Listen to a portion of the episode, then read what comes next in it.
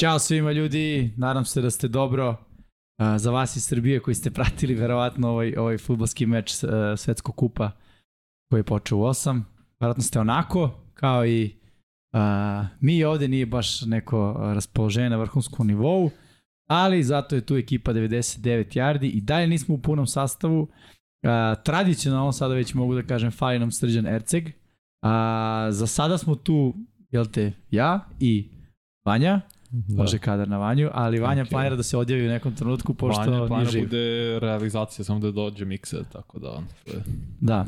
Miksa takođe tradicionalno traži parking. da, to je nevjerovatno. da, ali ovaj, kao što rekao, eto, tu smo da, da popravimo uh, raspoloženje, da malo pričamo o onome što uh, najviše volimo, ili barem više volimo od ovog običnog futbala, a to je američki više futbol. sigurno. Da. Više sigurno. Kao bolje su nam ekipe u američkom futbolu nego u Pa jes, ovo stvarno nisam gledao, radili smo lep do sada bukvalno i bio neverovatno, sam sam pratio ovako rezultat, ali kapiram da on. Da. Ti si pratio da je... Jesam, da, pa bilo je uzbuđenja, ovaj, moglo je da se, ovaj, bilo je zanimljivo do nekog trenutka. Jela? I onda je prestalo. Da kad? bude. Trećeg gola Švajcarska. Pa da, da, nakon toga je bio pad u igri. to. Ali dobro, ajde, nismo, mi nismo slučajci za futbol, nećemo da se bavimo analizom toga. Istina, istina. Ovaj, ali eto, ovaj, što se tiče reprezentacije Srbije, učešće je završeno u svetskom prvenstvu, ali zato 32 ekipe u NFL-u, pa za neke je završeno i ovo A, sezona. je, Houston možda kaže završeno već. Houston tako može da se ono, oprosti. Da, da, možeš neko? Kolci? Ne mogu. Čak kolci ne, zbog, zbog divizije. Denver, realno. Denver, da, Denver može, da. da, Pa, Green Bay, Ramsi. A Raidersi, a Ramsi. Pa do, Raidersi ne mogu još baš. Ne još, jel? ali Znači još ovu nedelju. Ako izgube. Chargersa, onda da, Ramsi sigurno, nim Da. Stafford neće igrati zbog Da. prošlen ko- ovaj protokol za potres mozga, ali rekao McVay da neće igrati. Tako da ima tih 4, 5 Jest. možda ekipa koji su ono kao ovi nesretnici na svetskom.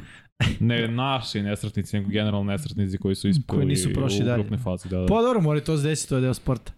Ali, ovaj- Nama svaki put. Pa dobro, okej. Okay. Mora da se to jest, trenira brže, jače, bolje, kako već.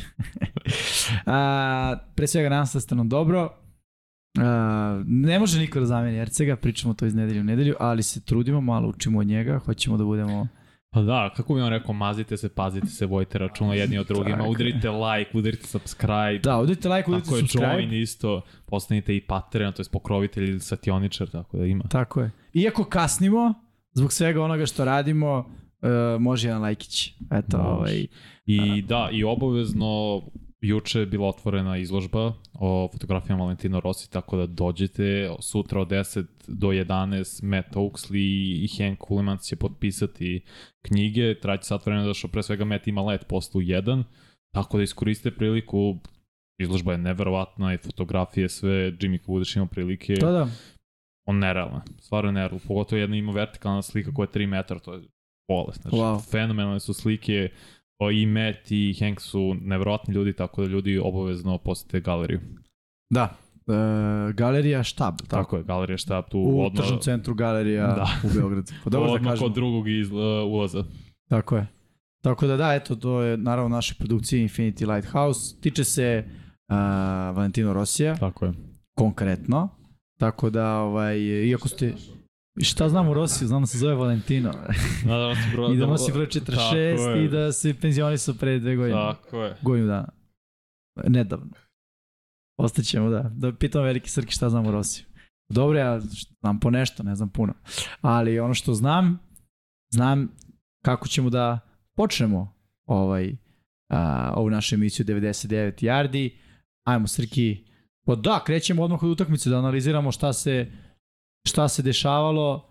Krećemo od onoga što smo najavljivali prošle nedelje, tako? Ravens protiv Jacksonville Jaguars. Ja mislim da sam ja jedini pogodio prognozu ove utakmice. Jes, sigurno jedin uh, pogodio i ovo što ću sad reći, evo, tamo dok Mix, viš kako je, čuo je Baltimore, naš, Da. i ušao je, jer Ušao je, osjeti, da. ali pre nego što mu dam poziciju, tako je, uh, slični ste.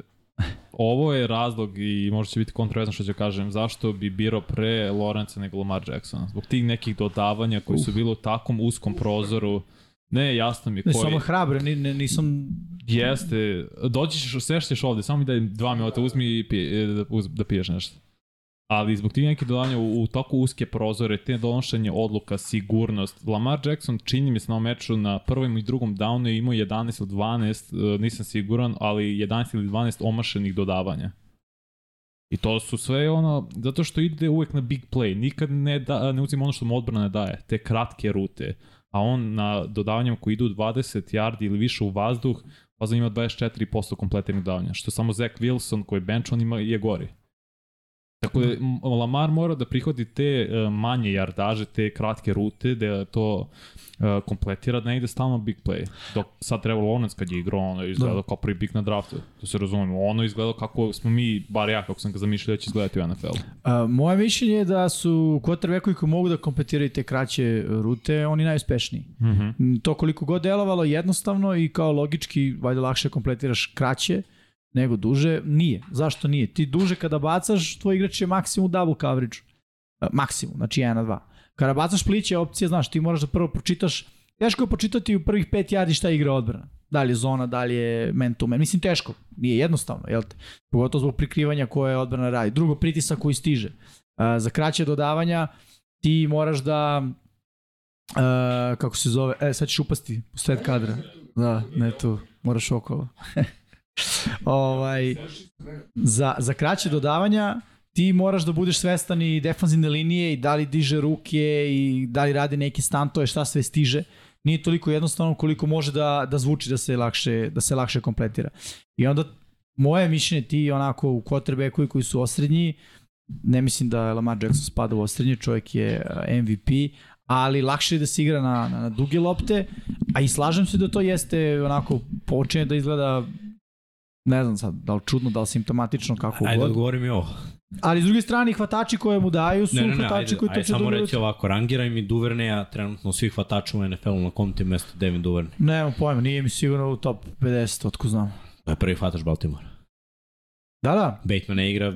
Ne, pa to je to. Duvernay je dugačka opcija, ali Spitster, sad je Sean Jackson, oni nemaju hvatača koji može trči to, to plići. Da. Znači ti imaš prvo, tvoj prvi hvatač nije top 50 u ligi.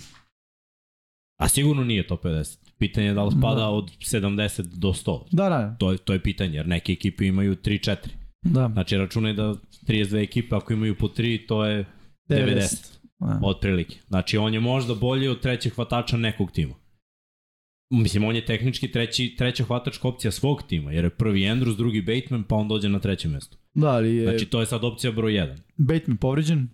Glej, nema separacije no. nema vertikalnih pleva bez hvatača, mislim. Znamo no. svi to, ne može taj ten da pravi vertikalne pleve. I opet, ako pričamo o tekmi, napad je dao touchdown, ostavio je odbrani da se, ono, odbrani, imali su fumble, imali su treći za 20.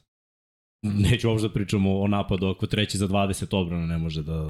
To, A dobro, ali se čini da Baltimore su napadu muči već nedeljama, da nije to to, da Koliko nije tečno. Koliko je bilo poena? 27. Je ti to mučenje? Pa, šta je mučenje ne, ne, po meni? Mislim na oko kada gledaš meče, ne samo ove u nedelje, već nedeljama u nas. Muči se Baltimore u crvenoj zoni, ne muči se u napadu.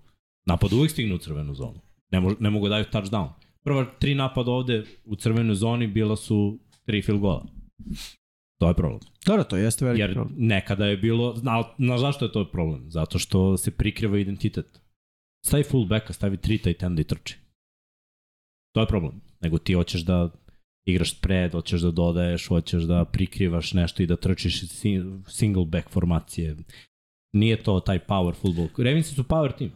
Znaš, to, to, to mi je kao, na primjer, kada bi Fila uzela ili San Francisco, na primjer, i stave spread i onda igraju run. Uvek ćeš da vidiš tight enda i, i, i vidjet ćeš quarterback, running back kombinaciju. Neko tu trči. Da se radi read option. Baltimore sve manje radi to i oslanja se na nešto drugo. Previše izmišljenja tople vode, ajde, ajde tako da kažem. U crvenoj zoni. Ostalo napad igra dobro. Jer pazi, ti si dao 27, a ja mislim da je tri puta, znači tri puta je sigurno u crvenoj zoni field goal. Malo izračunao matematiku da je procenat bio bolji. To je preko 30 pojena, to je bukvalno najbolji tim, jer Chiefs daju 30. Oni da. su najbolji napad u ligi. Ti si tri poena kaskaš za najboljim ofanzivnim timom u ligi. Meni to nije loše. Meni je veći problem što odbrana već četvrtu utakmicu gubi na četiri manje. Znači, izgubili su od Billsa tri razlike, ovde su izgubili uh, tri razlike. Jedan. Da, da, od, od, 87. od Majamija su izgubili, Da, da. ako se ne varam, isto je bilo da dali tri ili četiri i poraz od Giants, ja mislim isto da je sve ispod četiri, to znam, ali sve to mizerno. To meni govori da u ovim, uh, opet, defanzivni koordinator je bio linebackers coach i otišao na koleđ da bude defanzivni koordinator. I u ovim situacijama kad je tu minute offense protivnička, on igra prevent. Brate, mnogo je lako. Jeste, jeste, u NFL-u je baš besmisleno ono- čak. Znači, prvo, Baltimore i ovako nema neke rašere. Znači, osnovni su uglavnom na blic. Staviš četiri neka prosečna rašera, Trevor Lawrence, kao što je Vanja rekao, izgleda kao prvi pik na draftu. Nije ovo partija kao, wow, Trevor Lawrence, brate, protiv ove odbrane, Dali su mu, da. protiv ove odbrane, veruj mi, ti i ja bi izgledali kao Trevor Lawrence. Jer previše je ono prostora. On, on je sve vreme gađao tu, tu separacija 5 plus yardi, oko čoveka nema nikog. I nije prvi put. Znači tu ih je rastavio. Daniel Jones ih, ajde okej, okay, Josh Allen, da kažeš što radi to iz nedelju u nedelju. Da. Mislim, Danny Dimes, Tua, to je bilo na početku, na, razumeš, ono, on je kompletirao 400 yardi samo za Vadla i, i za Hilla. Mislim, ma, malo je odbrana Ravensa, ako gledamo se- secondary i imena, ozbiljno potpustila. Šta mi govori da je dobro? Marcus Williams nije igrao ni u jednom od ta četiri poraza. Celu utakmicu. Povredio se protiv Miami. Tako da ono, to je donekle dobro. Jer jedan respektabilan safety može i da pokrpi da stigne nešto, ali Peters i Humphries katastrofa. Humphrey. Da. Katastrofa. Brate, toliko plaćeni cornerbackovi da ovo... Do... Zay Jones, prvi tim All Pro kako je igrao na ovoj. Da. Da. Nekog da gleda prvu utakmicu i da kaže ovaj Zay Jones, biram ga na fantaziju, ovaj dečko ubija. Rekord karijere je imao. Marvin Jones dva hvatanja, touchdown, highlight kola možda. Šta šta je uhvatio dečko? Nerealno. Da, da, da. A, ali, um, ok, ja mislim, naš Baltimore je izgubio na kockao se Jacksonville ili ispalo na njihovu stranu. Two point conversion. Mogli su mogli da ne prođe Baltimore. E sad, da je Baltimore dobio, da li bi utisak bio drugačiji? Ali ne gledaj, znaš šta, nije ni bitno na kraju dana. Pa ja Jer mislim da nije sve, bitno. Sve što je ne, bitno, Ne deluje sjajno. sve što je bitno desit će se u play-off. Znaš, i ove ekipe koje del, deluju sjajno, da li ti to govori nešto, ono, da, da može Da, ne ne mora da znači. Evo pogledaj Cincy, kako Cincy dobija. Na prekršaj Tennessee koji se zakucaju u long snappera Da. i dobiju novi prvi down i, i pobedu u utakmicu. Mislim, to je ta divizija. I samo te dve ekipe idu u play-off. I pogledaj istok, gde tri ekipe verovatno idu u play-off. Jug, Tennessee idu u play-off, jedna, to, da. to nam je već jasno. I šta je ostalo još zapad, zapad. Pa da kažemo dve ekipe su potencijalno kandidati tu. Ch- Chiefs idu Chargers i- sigurno, da. Chargers i Chiefs idu sigurno, tako je. Da. Znači, biće, biće baš ono, pa možemo, Možemo diviziju, ne da, znam, da vidimo. Ne znam ni gde smo stali, samo su zaključili Baltimore i ovo. Jacksonville. Pa to, da. to je prvi meč. To, super, je bila, super je bila tekma i tekma je pokazatelj problema jednih i drugih. Mislim, Ravens imaju 2-0 u diviziji, poslednju tekmu igraju protiv Bengalsa. Ako ih očiste, igraju dva puta protiv Steelersa koji ono, hvataju neki ritam, ali nije to to. Nije to to, ali Da. ne, ne mogu da garantuju da će... Ne može, znaš, pa da, ništa ne, ne može se garantati. Ništa ne može da se Čak i za Cleveland sad kad se dešava vrati. kako su Bengalsi dobili Pittsburgh?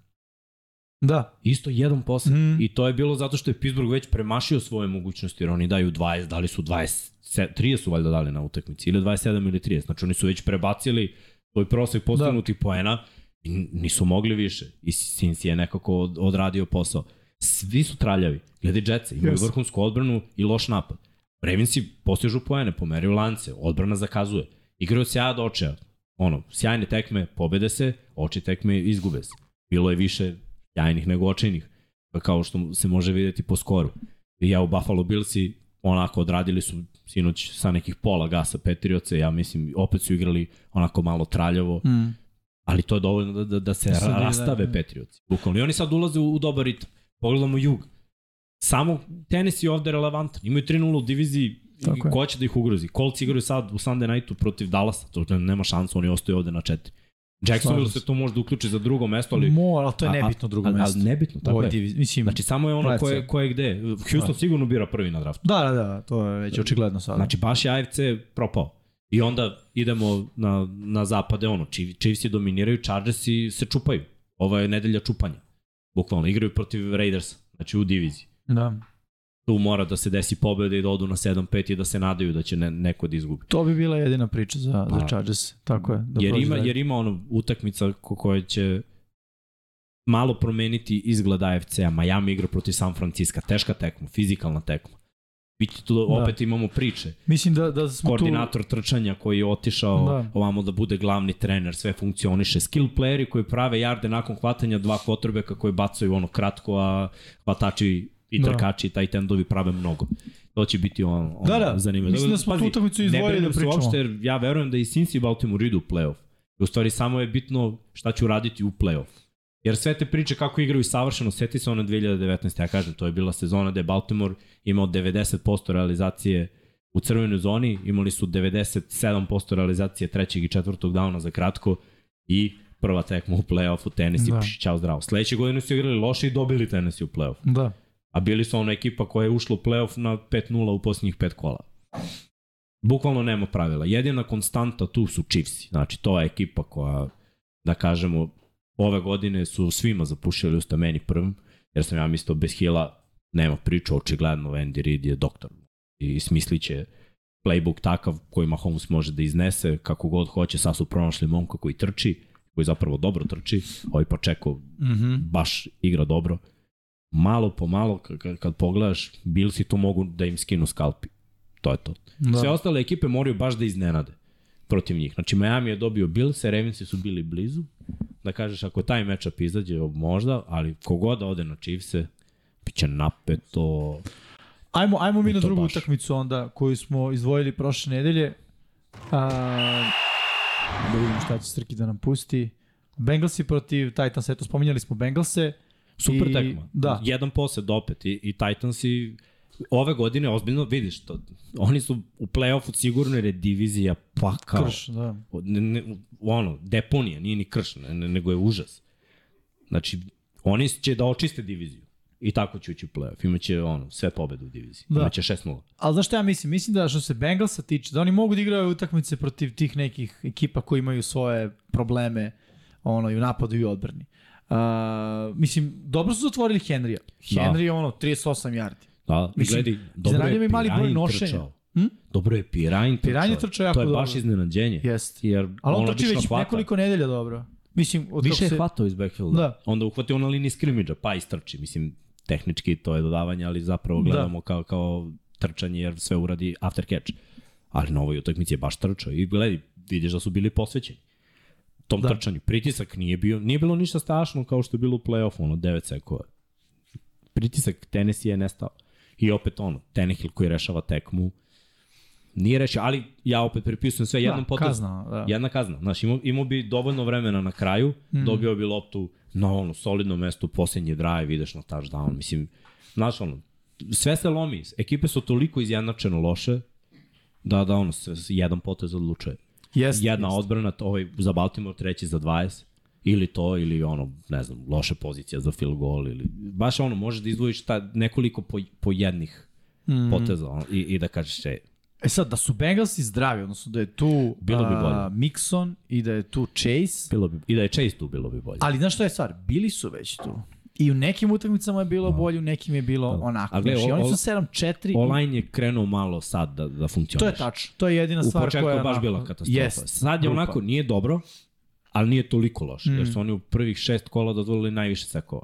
Baš je bio pakao gledati. Znači, o, posljednje, sećam se, radili smo, u prva tri kola smo radili Bengalsi i da je bilo, znači, ako računamo playoff, na svakoj utakmici bilo više od pet, pa u prve tri utakmice bilo više od pet sekova. To je, To je baš stvarno pakao za quarterbacka kad znaš da ćeš pet puta da budeš mm. sekovan na utakmici.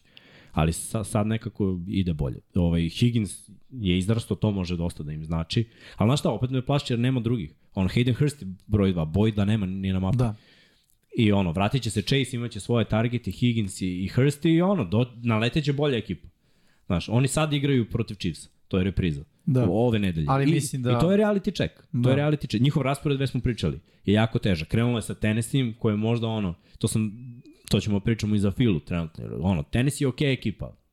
Loša divizija, to je verovatno ovaj skor. Chiefs su druga priča. I sad Bengalsi moraju da, da pokažu ono kako su uspeli da dobiju Chiefs. Mislim, fali malo playmakera. Mislim da će ostati kratkih rukava pro- protiv Kansas City. I da ćemo tu stvari videti njihov identitet. Ako oni Da. da. izađu i dobiju Chiefs-e, ok, Legitimno hvataju formu i, i to je to. Onda imaju šansu, mislim, da dobiju Baltimore i da budu prvi u diviziji na kraju, da odu Da, ali oni kod kuće. prošle godine kad su ušli u Super Bowl imali su momente tipa kao proti Chargersa, onda su nestali, bukvalno nisu se Da. pojavili na tom meču. Tako da ne bi mi zanadilo za Bengalse da i dalje, iako pobede Chiefsu, što, što zaista mislim da nije baš realno se desi a, o- ovaj vikend, da ne bi mi to bi ubedilo kao, ej, to je to, sad gaze do kraja. Baš su mi onako ekipa koja deluje da može da pobedi svakoga i da može svako da je pobedi.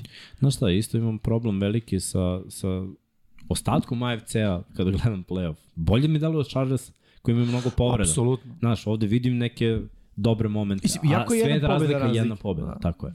Znaš, i opet Mislim, ajde- ajde Chargersi poredimo- su isto imali probleme da nemaju najbolje hvatača, kao, kao što Da. nema ni Buro, ali Bengalsi bez najboljih hvatača deluju bolje. Da, i e, ajde poredimo i sa istokom, pošto će iz istoka ići najviše ekipa u AFC-u. Pa, Znaš, ajde. Da li su bolji od... Uporedimo s Jetsima, jer Miami je bolji. Miami, je bolji. jako dobro igra. I Zap- su zapravo, Billsi su bolji, definitivno. Da. Billsi su odmah ispod Chiefs. Znači, sam, samo zato što su imali svoje neke oscilacije, mnogo izgubljenih lopti imaju Billsi. Da. Sad je to već krenulo da bude sigur od Alena jedna po tekmi. Ako, možda i dve, zavisi. I sinoć imao fumble. Jeste. Pa, Znači, krenulo je već, ono, forsiram po svaku cenu. Može im se. To je dobro. Ali može da im Ali se i da obije u obije, glavu da. kada bude bila malo tesnija utakmica. Jeste. I Jeste. tako su, mislim, izgubili na glupost. Jetsi su meni onako ekipa ko- koju gledam, slabiji su mi od Bengalsa, iako imaju bolju odbranu, ofanzivno može da se desi da potpuno potonu, pre svega da krenemo od ovog, nemaju fiksiranog potrebeka. Pa znaš da je Burov. Pa, delo je da će biti uh, White. Dobro, neka bude. I ajde ovako, Ne dva znam, minuta, dva minuta do da. kraja, lopta za Jetse. Ili lopta za Bengalse. U šta više veruješ? U Burova Burrowa, ili u da. koga god. Da, da, bro, nema šta, nema šta. Samo zbog toga Znaš, koliko god da- da je ta odbrana bolja, Burov je dokazan quarterback za, za ono dve godine. Ovi momci nisu. Ovi momci se bore da budu starteri u NFL-u. Burov je zvezda u NFL-u. Da. I to će na kraju prelomiti, to će biti razlika ko je ono, ko, ko je dobar, ko nije. Ali opet mislim da će Jetsi, ono, ako se Chargersi ozbiljno ne probude ozdrave i nanižu pobede, Jetsi će zahvaljujući pa ja mislim još tri pobede ući u playoff.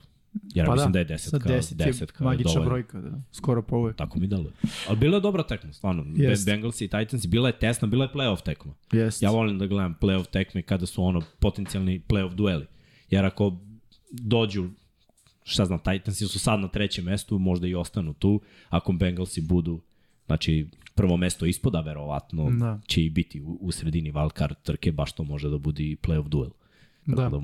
Sve u svemu, ja mislim da, da, da će igrati u play-offu ili sa njima, mogu da igraju sa Ravensima i to su igrali u toku regularnog dela sezone, i, ili sa Billsima. Tako mi za sad deluje, deluje mi da su Chiefs i ono prvi seed. Da, Za mar to dobro, još smo da kažem daleko, iako se približavamo Pa. kraju, ali još smo daleko da možemo da vidimo ono kao ko će gde, još ne znamo ni koji će biti prvi seed, realno, u AFC-u je, deluje da su Chiefs i Znaš šta je najkonstantniji, teško, ali moguće znaš je šta da je teško za. Billse? Divizija. Tu je na, na, ono, na čudo neko, za Da. Chiefs se nije. Što Pa pa, oni da. očistili najboljeg u diviziji. Dobili su Chargers dva puta. Da. Da. I šta im ostaje? Raidersi, mučni i Denver. Denver, da. Znaš, ono, mislim da će Chiefs i to sve rešiti, da će ono imati onda konferencijski jako dobar skor i sve i samo im je potrebna jedna pobeda više od Bills jer su ih Billsi dobili. Da. Ono, četiri razlike. Ajmo onda na sledeću utakmicu. Malo ćemo danas da pustimo tempo, pošto Luka i Kuzma su repetirani za 1 i čekaju 1 i 15 takovanja. Da. Ok, sledeća utakmica Raidersi proti Seahawks. Meni je ovo iznenađenje.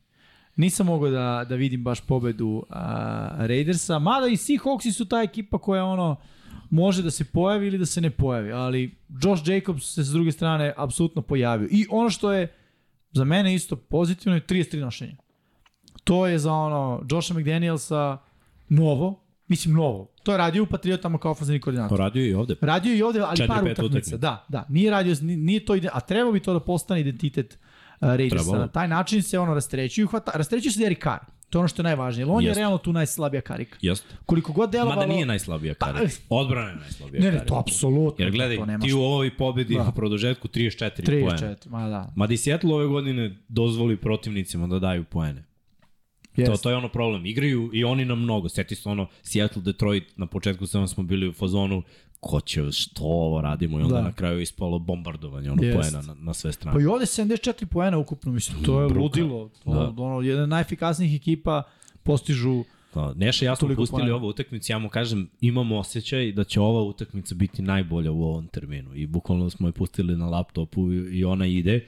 I ono, radimo utakmicu i naravno pauze su svake dve sekunde i okrenemo se ovamo, hvatanje, touchdown, interception, Divljanje. sve vreme se nešto dešava, razumem, bilo je dobro. I opet za Raiders je dobro što su krenuli, vezali su sad malo.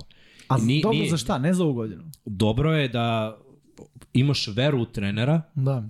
Da može. I imaš veru da uz neke promene, jer znaš, krenulo su promene. Krenulo je ono, ajde da razmislimo koji igrač se uklapa, koji ne, ajde da se okrenemo draftu, da se okrenemo izborima, da se okrenemo, da da li prvo imamo ono trenera. Da. Jer gledaj, u ovim pobedama, sam si rekao, identitet je postavljen. Da li imamo running backa? Imate running back. Znači, dečko je prvi running back trenutno po istračenim jardima u NFL-u. A bilo je pitanje Dobro, da će... ugovor. Ali bilo je pitanje da će ostati na rosteru nakon trening kampa. Trči za ugovor. Ne da trči za ugovor, nego ubija kako Da, da, trči da. da. za ugovor. Treba mu dati pare i treba ga ostaviti da prvo ih, ima 300 yarde na ovoj utakmici. On je ono, ne heroj, on je super heroj ovog Da, kola. da. Bilo me sramota da ga stavim za heroje, jer je ovo super herojska utakmica. 300 yardi i touchdownovi. I ovih touchdown za, za, za kraj utakmice. Stvarno, vr... Devonta Adams skida. Jeste. I on je u top 3. Jeste. Ima uz Kelsija najviše touchdownova, opet je, ima, ima 999 yardi, ja mislim da ima. Ili 98, tako nešto. No, skoro je- 1000, Skoro je da. na 1000. Yard ili dva mu fali da, da bude na 1000. Znači, jedan screen i taj bonus je ispunjen. To će odmah da se zove. Verujem. Znači, na utakmici quarterback odmah daje screen, brate, za njega, za, za 2 yarda, za, za bonus. Ja mislim da je nek, sigurno 5 miliona bonus za, za 1000 yardi. Nebitno. Ili i da je milion, nije malo. Dema. I onda kada uzmemo u obzir te stvari koje se dešavaju, da li ti deluje bolje oni ili Denver? Denver ima problema koliko hoćeš, ne Oh. mogu ništa da urade. To je priča. Znači, sve. ovo je još i okej. Okay. Da. Mislim, sad, sad do kraja sezone samo treba zagorčati život svima i pokazati, ok, mi smo ekipa za sledeću sezonu. Tako FK, je, imamo- FK sledeća sezona. Jeste, pa dobro, FK sledeća sezona, ali imamo dobar kapital za sledeću sezonu. Da. U smislu mogu da kažu, ono, head coach checked, Da, running back checked, hvatači, ok. okay. kotači, ok, ok, realno, realno ok. I Hollins okej. Odbrana, u smislu checked kao nemamo. Znaš, Ne, da, nema. Ajmo, idemo, Rebuild. nabavljaj, brate, Imaš slobodni agenti. kida. Jest, I šta Da, dalje? ništa. Ništa. to je to. Sve, Sve ostalo. Sve ne. ostalo. Jest. To je, to je njihov fokus. Tako je. Tako i Dallas imao napad, seti se nisu ušli Da, u da. play-off i onda je bilo dva defanzivna drafta. Jest, I sad imaju odbranu. jest. I imaju priču godine. Da. Tako da ono, mo- moraš, moraš malo da ulažeš. Meni je to okej, okay, totalno. I s druge Jest, strane. Seattle se ono, nije izbruko, ovako igraju cele godine. Jest. I nekom skinu scalp, nekom, ja sam rekao da će San Francisco biti prvi. Mislim, samo je bilo pitanje, ove nedelja, sledeća nedelja, mislim, San Francisco je bolji tim. San Francisco Izgleda je kao ono, najbolja ekipa u toj diviziji dream definitivno. team. Seattle je iznenađenje tim. Mm. Seattle će ući u playoff. I to, to je vrh. Ako je- ne uđu četiri ekipe sa istoka, ali neće se potamaniti među sobom. Pa imaju mnogo duela Da. između. Mislim da, da će tu nek, neki poraz da se desi. A Jeste. opet Seattle mora rutinski ovde da reši. Ja mislim da imaju Ramse još jednom. Imaju samo 2-1 u diviziji. Tri utakmice su ostale. Tako da on, verujem, verujem da će tu nešto da, Da. da. ukradu. Za njih, ja mislim da, da ono, devet pobjeda, da je devet ili, ajde da kažemo deset, to je nešto što moraju da urade do kraja. Da. 9 minimum, 10 Ono što, realno što na očekivano. ovoj utakmici, ako možemo da vidimo grafiku još jednom, ono što na ovoj utakmici nije bilo, da kažem, karakteristično za uh, Seattle Seahawks-e, to je mali broj trčanja. Da. I Kenneth Walker koji je imao samo 26 jarda. Znaš šta, razumem s jedne strane, ako gledaš samo statistiku, ali što da trčiš za malo jardi, jer ovi skupe. Ono, Da, jo, ma ne, ovi su šuplji, mislim. Kad ti samo uzmeš Da. shotguna loptu i šikaš Jest, se 20 yardi jest. prvi down. I onda su trčali kad je najvažnije u crvenoj zoni. I tu, tu je Walker imao jedno unošenje da. zajedno sa, sa celom ekipom, cela ofenzivna linija ga je ugurala 6 yardi za touchdown i postigo je dva touchdowna, znači efikasan je. Ekipa postiže poene. Da. Ne može, ja, ja sam stvarno protiv toga da, da se upire prstom u napad kad je 20 pa da kažem 26 plus poena postignuto. Ja od svake odbrane očekujem da spusti protivnika na ono ispod 23. I svaki napad koji postigne više od toga, mislim, trebalo bi da pobedi. Jeste liga kao ofanzivna, ali su mnogi ekipe sa lošim ofanzivnim ritmom. Pola lige postiže ispod 20 poena. Da. To, to je ono smešno. I evo i Raidersi nisu neka efikasna ekipa. Mislim, šta ti to govori ako su dali 40 poena tvojoj odbrani? Znači da ono... Nazad, nazad da gledamo film i da vidimo šta ovo ne valja. Opet Ima. za Raiderse napad je, op, desit će se nekada napad da 50 i da pobediš. Ili 40 u ovom slučaju. Ali češće će da se desi da ti fali poen, 2, 3, 5, jer ti odbrana primi 30. Da. Ja bih isto rekao za Seattle, ono, imaju priču za sledeću godinu. Imaju smislu, tekako. Imaju za ovu godinu. Gino, ne, Ali oni Gino Smith je čekiraju. rešenje na poziciji Pazi, Kube. bilo je priče, Vanja je pričao, Pete Carroll ova sezona odlazi, ne ide nigde. Da, da, Pete Carroll, check. Da, da. Gino, Check. check. Da. Running back, Check, check. da, double razumeš? check, realno, Tako je, prvi put running check, back koji- dva- Za sada kucam u drvo je zdrav. Da, dva hvatača, Da. da. Check, čekira check. i to, odbrana, imaš Jeste. elemente. Imaš, Gledaj, samo treba da ih složiš. ruku na srce, talenta nije bilo baš toliko, ali Da. Pogotovo ruki, ruki ovde, ruki onde, Da. imaju ono, jednog od najboljih mladih cornerbackova. Ja mislim da, da će on da bude nova zvezda. I onda treba to malo. Imaju oni i kapital. Tako da, da će moći sve to lepo da se poslaže. Ali kažem, nisu ni za otpisati ove godine. Nisu. Mislim, jedna pobeda, to jest dve ih dele da budu prvi Pa oni ili. Washington, znaš. Mislim, Washington igra sad protiv Giantsa, tako da, znaš, to Da. je jedna od te Kreće. dve ekipe. Eliminisanje nisu. Da razumeš, tako je. Neće pobediti tu. Da. I onda, eto šans. Eto šale, eto zabave. Da. To možemo, možemo da... Ajmo dalje onda na sledeći meč. Kako bismo sve uspeli da uklopimo večeras. Packersi protiv Eaglesa, dosta poena. 73. Da, malo iznenađenje, ali ovaj, odbrane su odlučile da se ne pojave izgleda. Što i ja smo uživali. Prva četvrtina je najefikasnija ove sezone. A ovaj touchdown File u drugoj četvrtini je postignuo za 5 sekundi. Hrc je mogo da da taj touchdown pošto je trčao i u prvoj četvrtini. Tako da bi tek bila dominantnija ta četvrtina. 14-13, 27 poena, pa na nekim utakmicama koje sam radio nije bilo 20. Da, bukvalno. Tako da krenula je toliko eksplozivno, Fila je samouvereno krenula da gazi trčanjem i meni je odmah delovalo, baš sam rekao u prenosu Šonetu, Green Bay sa ovim front seven sastavom nema šanse ovo da brani. Fali mnogo linebackeri koji znaju šta rade, a mm. Fila je namazana ekipa koja je ono, run first ekipa, koja ima ofenzivnu liniju, koja grmi, njihovi pulovi, double teamovi, to su rupe bile takve da smo stvarno mi mogli da trčimo bez problema. Kada ekipa ima 300 yardi, to ja stalno pričam, na utakmici trčanjem, to je apsolutna dominacija. Quarterback ne mora baci 5 yardi. Da je toga dva igrača ono preko 100 yardi. Ono, Jalen Hurts imao 130 Oni su imali i 350. Sanders je imao 140, 150, tako nešto. Mi da smo imali to Da, na grafici. ubili su ih. Ubili su ih trčanje. Znači, bilo je, mogo, mogo još neko da uđe i da, E, ali i da dobar igra. game plan File. Znaš, Aha. ja mislim da se Fila u onom meču protiv Washingtona opekla i da... Washington ih je dobio na drugu foru. Jer Green Bay ovde izjednačavao dodavanjima. Da. I ne potroše mnogo vremena. Washington je umrtvio Da, da, da, igru da. i držao loptu u tri Ali drive dobro, po i 8-9 odbrana minuta. Washingtona je mnogo bolja nego odbrana Green Bay, pogotovo naravno. trčanja. Da, da. Ono što je ide- identitet Da, da. Eaglesa. Ali najviše su dobili Commandersi zato što su oni trčali. Da, da, Mnogo. i trošili vreme. Ovde nije bilo mnogo trčanja. I, I bukvalno je bilo dodavanje, dodavanje i pazi, ušao Jordan Love. Lepo izvozo drive. Svako dodavanje je bilo na mestu, potezi skroz ok. Mislim da, da Green Bay može bude zadovoljan ovim. Rodgers, danas mu je rođen, 39. No. Bole rebra, otišu prst, Pa, nije ova ta sezona. Iskreno, da sam trener, u Bench. ovom trenutku, odmori malo, majstore, dve nedelje da se oporaviš. A u sebi si mislim, ajde mali pokidaj. da. Ono, jer, jer to je to. Ajde imamo diviziju. onda Čitav sever, roster, čitav roster je, je previše mlad da bi se uradilo nešto. Da. Ovo je prava prilika za kaljenje klinca koji je odigrao dve utakmice, ma šta dve, jedno je startovao, ovo je odigrao Jest. pola. Mislim, Green to- Bay ovde nema šanse za playoff, ja mislim. Nema niko nema NFC-u, osim Minnesota. Osim Minnesota, niko nema šanse i to Minnesota juri ono seed broj 1, ukoliko Fila kiksne, oni odigraju, da kažem, savršeno do, do samog kraja. Da. Ali Green Bay ovde čini mi se da ima tanke šanse da bude čak i drugi u ovoj diviziji. Mada nije bitno, ako ne ideš u playoff, nije bitno koji si. Ma da. Još čak im je bolje da budu bolje da gori. budu zbog drafta. Da. Da. I zbog Pikova. rasporeda. Da, i zbog rasporeda. Sledeće godine slabiji raspored. Mislim, his, ima mnogo stvari za zašto kad ne ideš u playoff je je bolje. Teoretski. Mislim, pogledaj raspored Ravens Da, ove godine. Bili su prvi seed u AFC-u, a najgori na kraju u svojoj diviziji. da. I, znaš, dođe ti raspored, izgubit ćeš ti od tih nekih ekipa, ali, evo, mislim, pogledaj posljednja tri kola. Evo i sad Jacksonville, pa posle Denver. I, igraš protiv ekipa koje možda naprave neku promenu za sledeću sezonu, ali realno neće. Ne dešavaju se promene preko noći. Šta nam je ovaj meč pokazao što tiče Filine odbrane? Da može to bolje. I to mora bolje. Može mnogo bolje, da, ali... Nađu im ekipe način, naš Washington ih nije pobedio da. na isti način kao Green Bay. To su već, da kažem, dva načina, ok, nisu izgubili od Green Bay, ali mnogo pojena su primili. Pa i od Detroita su primili I Detroita su primili Bilo je mnogo nekih poena, utakmica, Da. Ali ja kao, dosta to bilo garbage time, no. ono, što se tiče Bilo Detroita. da. Znaš šta, problem je veliki ovaj, s povredama koje se javljaju sada.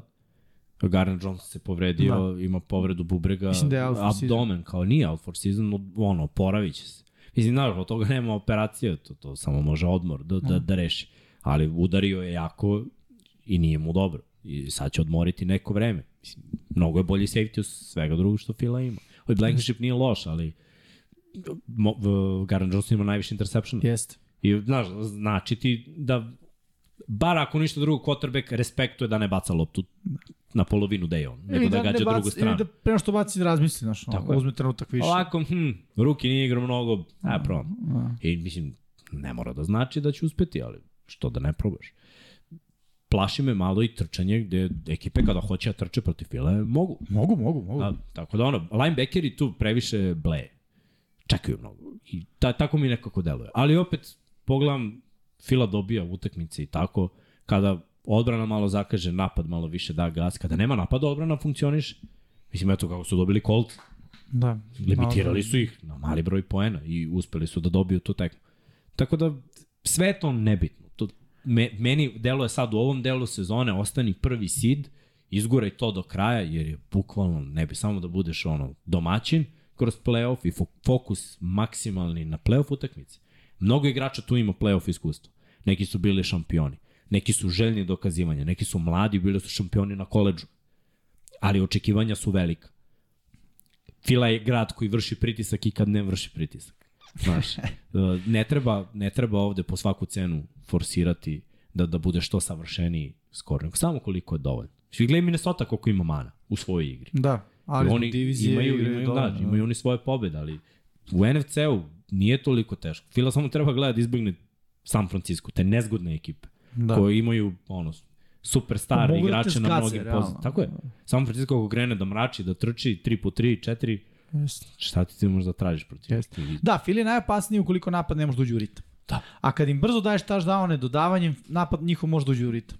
Uh, trčanje teško ulazi u ritam jer se dugo sede na klupi. Mislim, čekaj šansu. I ovo dodavanje Hrca su bilo okej okay na ovoj utakmici. Yes. Isto da, da, da Pa njegove dodavanje cele godine su okej. Jeste, realno. da. Nisu Respektabilna brutalno, igra, da. Ali napredak apsolutno odnosno na prošle sezone. Pa gledaj, moraš to da očekuješ. On prvi put u svom životu ima dve godine u nizu isto koordinatora. Da. I to znači, mora se osjetiš komfortno u, u playbooku, u sistemu. Ne možeš da očekuješ, on je klinac i sad kao daš mu jedne godine jednu knjigu, druge godine drugu i to će sve da funkcioniše kako treba. Plus jedne godine jedni igrači, druge godine drugi igrači. Nije baš realno. Mislim, napredak mora da se desi na ovom nivou. On je momak posvećen. To u stvari, to je najbitnije od svega. Koliko je quarterback posvećen i spreman da uči, da napreduje, da radi, da zagrize, da bude vođa. Mislim, on je dečko stvarno naložen na ovo. Jeste. Na ovo njega loži ova priča i to se vidi, on tako igra. I ekipa je stala iza njega. I videli ste skor. Mislim, oni, možemo još jedno da vidimo ovu diviziju. Uh, trenutno su sve ekipe u play-offu. Znači, Washington je posljednji seed kao wild card, sedmi seed sa 7-5, Giants 7-4, Dallas 8-3. To su tri wild card ekipe trenutno. I prve četiri ekipe u divizijama, Fila broj 1, Minnesota broj 2, broj 3 je... Uh, Tampa? Ne, ne Tampa je na broj zapadu 4. je San Francisco San i Francisco Tampa je i broj Tampa, 4. da. Eto, to je trenutno playoff. Gde sve ekipe imaju ozbiljne probleme. Da. San Francisco se zaleće, vidjet ćemo protiv Majamija, to je onako pravi test za njih, gde su, šta su, ko su, ali ove druge ekipe rade posao. Znači. Tampa je sad prvo možda i ne bude u svojoj diviziji prvo do kraja, mislim. Nije I oni imaju tešku utakmicu sad u ovom kolu. Jest. Ne mogu sedeti protiv koga je igrao, ali dobro, protiv Ajmo, Saintsa. Da, ajmo mi onda dalje da nastavimo uh, sa pregledom prošle nedelje. to. Uh, Po koju reč? da pogledamo, da, šta se to igralo, koji su bili rezultati što kaže Miksera, bacimo po koju reč. Bili si protiv Lionsa 28 prema uh, 25. Da, to je sve bilo prošlog To je četvrtka. bio četvrtak da, kad je bio ovaj dan zahvalnosti. Uh, Giants i Cowboys 20, to smo čak i analizirali. Da, jesu, da. 20 prema 28, uh, Patriote protiv Vikingsa 26 prema 33, Buccaneers i Browns 23-17. Meni je ovo bilo iznenađenje. Jeste, ali Brownsi su imali savršenu egzekuciju i napad Buccaneers se opet zakazao. Mislim, ajde da kažemo ovako, odbrana je držala solidno Brownse i na kraju nisu imali rešenja za pojedine akcije. Malo izlasti iz džepa Jacobija, malo neka dodavanja. Znaš šta, najveći je problem što je opet Amari Cooper izgledao kao ono, prvi tim All Pro. Da. Kada je bilo najpotrebnije. I to ne sme da se desi. Njoku takođe iskočio ono big time za njih. Peoples Jones imao neka važna hvatanja. Tako da ono, naj, najžalije od svega je za dečka koji je odigrao ovu sezonu jako dobro, Jacoby Jones i doveo ih do 4-7, a mogli su da dobiju još... Briset. Bri, Briset, da. A ovaj, mogli su da još nekoliko utakmica ukradu. Nije se desilo, mi očekujemo od Dešona Watsona, a Bakanirci, ovo je njihova sezona, bukvalno. Jedna utakmica dobiješ ili dve vežeš pa ide poraz i oni će ući u playoff. Ne, neće Falconsi ući ispred njih sigurno. Iako sve ekipe čak iz 4-8 Da. u ovoj situaciji Karolina i Saints isto imaju šansu, šansu, da, da, da. se nađu u play-offu, ali mislim da se ne lažemo, Buccaneersi su tu ubedljivo najbolja ekipa. Sad, probudili su se defanzivno, treba malo odraditi ofenzivno. Mike Evans igra jako slabo ove godine. Igra. Njegova, njegova separacija je ono, nestala. Godwin opet naj, najviše doprinosi. Moraju oni malo da, da promešaju kockice, da, da, da vide šta, kako. Uh, igraju sa ruki running backom, sa Whiteom ne igra. Ko nije loš? Nije lo, ne, ali znaš, treba sve to da se složi. Oni će biti sigurno četvrti sid, ovo će biti najgora divizija u NFL-u, definitivno, jer će prva ekipa ući s negativnim skorom mm. u, u playoff i cela divizija će imati negativan skor. Ali ovo, ovaj meč je bio zanimljiv, ne znam. Bilo je ono, tvrdo, Jeste, i neizvesno do kraja. Mislim. u, u nekim momentima sve si mislio hoće, neće, hoće, neće. I na kraju Browns su bili kada je bilo najpotrebnije, Da. bolji. Respekt za Browns. Respekt za Browns. Ajmo dalje. Uh, Bengals i Titansi, to smo analizirali. Texansi proti Dolphinsa, mislim, nema šta. Dolphinsi su povedali 30 prema 15. 30-0 je bilo. Da. 30-0 je bilo. Znači, bilo je gaženje. Jeste. To sam se ja šalio, ali rekao sam handicap koliko, koliko, Koliko god da koliko god da je. Na kraju ni, nije bilo mnogo jer, Da. jer su se opustili, ali mislim 30-0 kada odeš Jeste. i da uđe šesta ekipa, ne može izgubiš Tako od je. Tako je. Texansi, ono, čak ne ni FK sledeće sezona. A. FK za tri sezona. Prvi pik na draftu i ozbiljna promena. To je ono što njima treba. Bersi proti Jetsa, duel 2, uh, rezervna quarterbacka, uh, Trevor Simian sa jedne strane za Bersa. Inače, Trevor Simian je out for season zbog povrede, tako da ga više nećemo videti uh, čak ni kao rezervu. A za Jets je Mike White. Mike White koji je odigrao sjajan meč. Jeste. Stvarno sjajan meč. 31 poen Jetsa. Ne znam da su ove godine dali više poena od ovog. Nisu, ali statistički je pojao Wilson. Ako uporediš, on samo njih dvojicu Da. komparaciju, inače on za ovu utakmicu ima I znaš šta mi se... manje, ali on nije gubio lopte. Da, znaš šta mi se isto čini? Da se lepo scena namešta za njega, ne sad kao da neko namešta, nego da se kao sudbina namešta za njega. Znaš, prvi meč proti Bersa, koji realno imaju... ali već veliki- viđeno. E, Jeste. Znaš, prošle godine, sećaš, izdominirao je prvi meč. Jeste, Drugi odigrao loše, slaž, treći toga se vratio Wilson. Jeste. A, ali mislim da ove godine on ima šansu da preotme to startno pa, mesto. Pa možda zato što je ovaj, ono, nadobudan, mnogo. No, mnogo je istripao da je zvezda. Mislim, Vajta voli ekipa, on, ej, on je backup QB koji, po, koji pobedi na kraju, ono, mu ekipa uleti u intervju i, znaš, svi su Da. nje, uz njega i to, to nije baš uobičajeno, realno. Pa, no, zašto nije? Zato zašto su za Wilsona ne mogu da budu zato što je pun sebe. Ali ovo može da ga prizemlji. Mislim, on je klinac. Da. Znaš, mora da shvati da, da se ne vrti sve oko njega. Da je on Da, da. zapravo predvodi deo ekipe koja je slabija. Da, da, da. Znaš, to mora da, to da skapiraš u jednom trenutku. Ok, znači ja treba ovde da hajpujem odbranu. da. tokom cele utakmice. Mora budem svestan toga.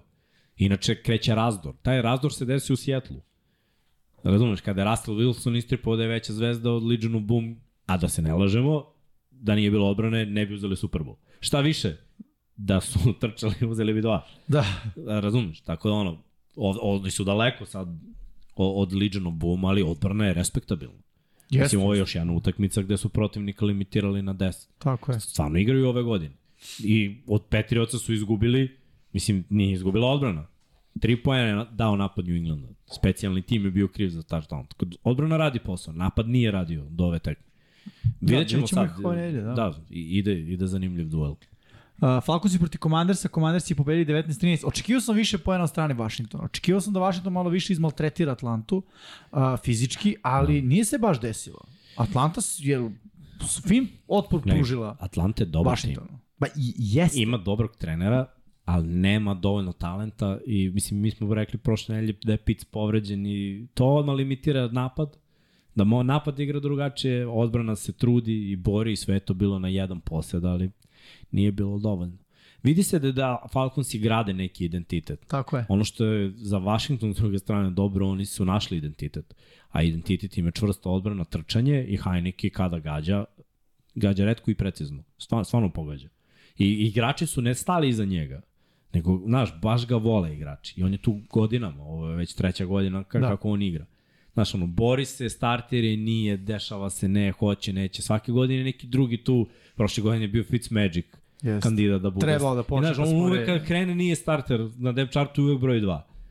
I ono, večito juriš nešto, večito se boriš. E to je Washington. Da. Oni se večito bore i jure nešto kao ući ćemo u playoff. A šanse su stvarno mizerne. Sad mislim da imaju legit šanse, ali moraju da pobede važne tekme. Znači moraju da, sad dobiju Giantsi, druga priča. Jest. Imaš 8-5, Giantsi će imati 7-5. Da. Totalno druga priča. Jest. Moraju da dobiju to u diviziji. Baš me zanima šta će da bude. A pokazali su protiv Fila da mogu dobiju dobre ekipe. Jest. A, nastavljamo dalje. Broncosi protiv Carolina Panthersa. Panthersi su dobili 23-10. Ja sam rekao ne verujem u Russella Wilsona i mislim da sad i njegova odbrana više Ma ne ja sam verovao u odbranu, ali odbrana je prodala, a u Rasela, u napad Broncosa, ne, Baš ne verujem uopšte. Ja ne znam kako ball. da definišem to. Ja ne znam da li će Russell Wilson to nam stoji i na tam ne, No. ne znam da će Russell Wilson preživjeti ovu sezonu u smislu A preživeć. Ne, mislim, da li će preživjeti ovu u smislu da i sledeće godine bude quarterback Broncosa? Bić. Ja ne znam u to, iskreno. Mislim da Biće, je prevelik pritisak počinje da se vrši. Znaš, već ono, cela liga počinje da, da, da, mislim da se sprda bukvalno sa celom tom Pa pričom. da, znaš šta, moramo da budemo realni. Trener je isto ovde zakazao dosta. I sad treba videti tu ko obično nosi, ve, snosi veću odgovornost. Pa za poraze treneri. Trener. I znaš, neko će na kraju uperiti prstom, aha, ofanzivni um, ofanzivni koordinator, došao si i mi ne možemo da prebacimo 15 poena. Znaš, ono, igrači će na kraju sta, stati jedni uz druge. Tre, I trener će nekako biti kriv. Ali opet Russell Wilson deluje kao da u svom svetu. Ma on je uvijek u svom On, svetu. naš, Da, priča da. neke i na intervjuima i ovako, kao da, kao da ga ne do, znaš, kao sa Pa, vreme od Tim Tebow. Ali ti kažem nešto, to je taj NBA mentalitet. Koji ovo, mi, mi ne shvatamo ovde, mi smo ložane, nama je svaka utakmica, a treba malo imati taj NBA mentalitet. Ono, sledeća utakmica, kao da ih ima 80. I da nije ova sezona, okej. Znaš ono, bitno je u stvari da jedna od tih sezona bude ta sezona. Da, ali E. ako su, znaš, ako saigrači ne osjećaju taj vibe, to Ok, već ići će postaje negde drugdje, bit će starter negde drugdje, ali neće sledeće sezone. Jer je previše dato za njega, znaš, i, i niko neće da prihvati, on je tek dobio ugovor. Ko je Da. lud da prihvati taj ugovor? Oni su se zakupali s tim. Ni tu nema nazad za njih, on, za njih nema promene. Za njih je najbezbolnije rešenje promeni trenera. Da. U nadi da će to nešto da promeni. Ono, ne znam, dovedi Bijenemija.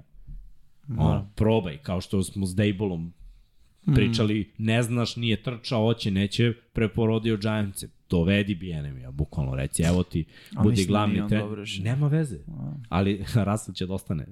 Jer ti Ne, ne, tražiš upravo grešku si, ti pričaš negde drugde. stvar, da. On je dobio kintu Da. I, on, i on ne ide nigde. Niko neće preuzeti taj ugovor.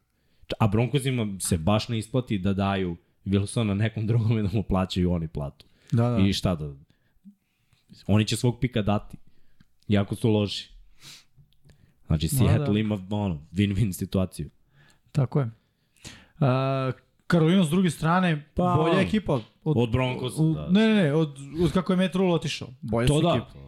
Pa nije samo on otišao, otišli su i ovi. Si vidio skoro kvazi. izjavu njegu koja je rekao da mu žao što je uopšte prihvatio taj posao. Pa znam da mu je žao, jer je on teo da vodi ekipu kao koleđ. On je koleđ trener. Koleđ treneri znaju da treniraju ono, klince, momke. I onda dođeš ovde, ovde su stari ljudi, profesionalci, i drugi je pristup, sve je drugačije, nije ophođeno na istom nivou. Tamo uvek nekog može, dru, znaš, ovde ti ne možeš da otpustiš nikoga, mo, biraš drugačije.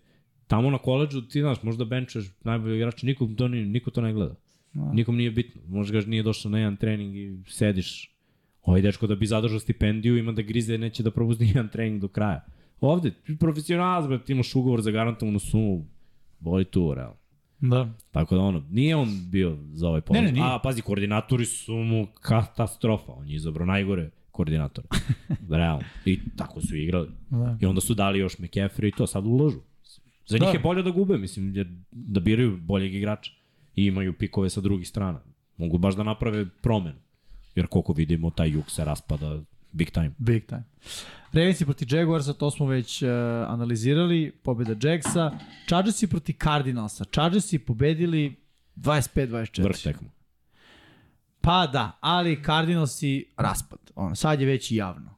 Ma raspad je to odavno. Da, da, ali sad je već i javno u smislu... ove četiri pobede, dve su me iznenadili mnogo što su, što su pobedili. Nisam znao da će Ramsey da se raspadnu, njih su dobili, Raidersi sramno što su izgubili od Cardinals. Da. Trčanje nemaju, trčanje ne forsiraju.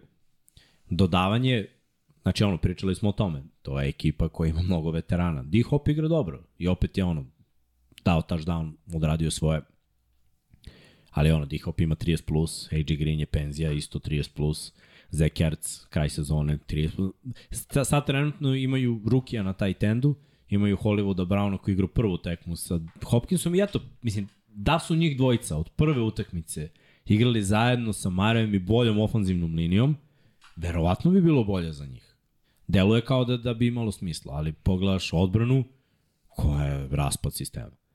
Znači, stvar, stvarno ispod svakog nivoa. Nikad ne igraju dobro, gotovo u prvom vre- poluvremenu. Sad je bio prvi njihov, na, prvi put da su dali poen u prvoj četvrtini, touchdownu. Nevjerojatno. A koje je kolo? 12. bilo. Užas. Stvarno, Arizona, ali pazi, ja sam očekivao da oni budu u donjoj osmini, ono, posljednjih osam.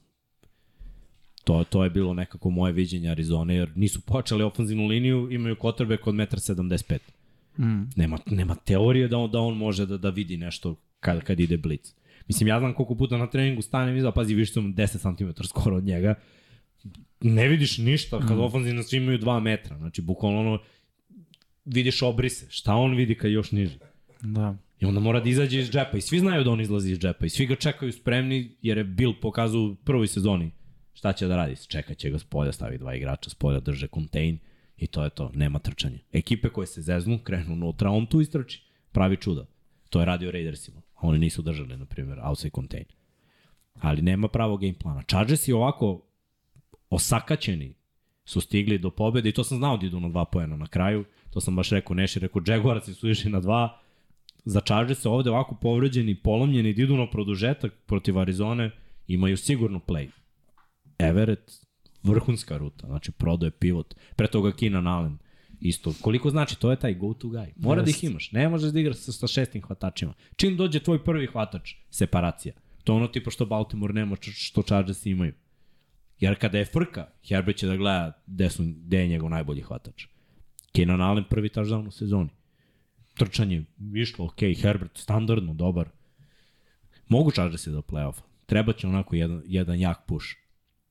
Ali tehnički ono, ako pogledamo, nije, nije nemoguće. Da, da, da. Čak su jako blizu, najbliži, da. rekao bih u AFC. Moraju da, da i oni reše ovaj ostatak svoje divizije. Znaš, ako to ne reše, sad moraju, Raidersi ne smeju nikako da, da, da dođu blizu pobede. Mm. Tu moraju Chargersi da pokažu, ej, dobili smo Mi ekipu vladamo. 4-7, tako je, mi smo ono broj 2 u našoj diviziji.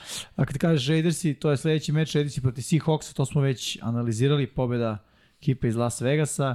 Ramsi protiv Chiefsa, Chiefs je pobedili 26-10, potpuno očekivano. Ono. Ramsi da. sa rezanim quarterbackom, sa Trećim. bez rešenja na poziciji hvatača, ono, baš, baš, baš tanka, pretanka priča. Ono, sezona gotova, bukvalno. Jeste. Game over. Bilo je gotovo i prva utakmica. Jeste, ali Videlo se. Ono momente kada je Cooper Cup otišao, to je to. Ćao. I Stafford igra jednu utakmicu. Jeste. Kraj priče. Jeste. E, ali opet, oni su imali Super Bowl, ništa, Super Bowl, ništa. Da. Znaš, ok, i dalje živi to, ta nada Jeste. sledeća sezona. Talasi. To. Mm. Robinson se isto povredio za sezonu. Da, Robinson je out.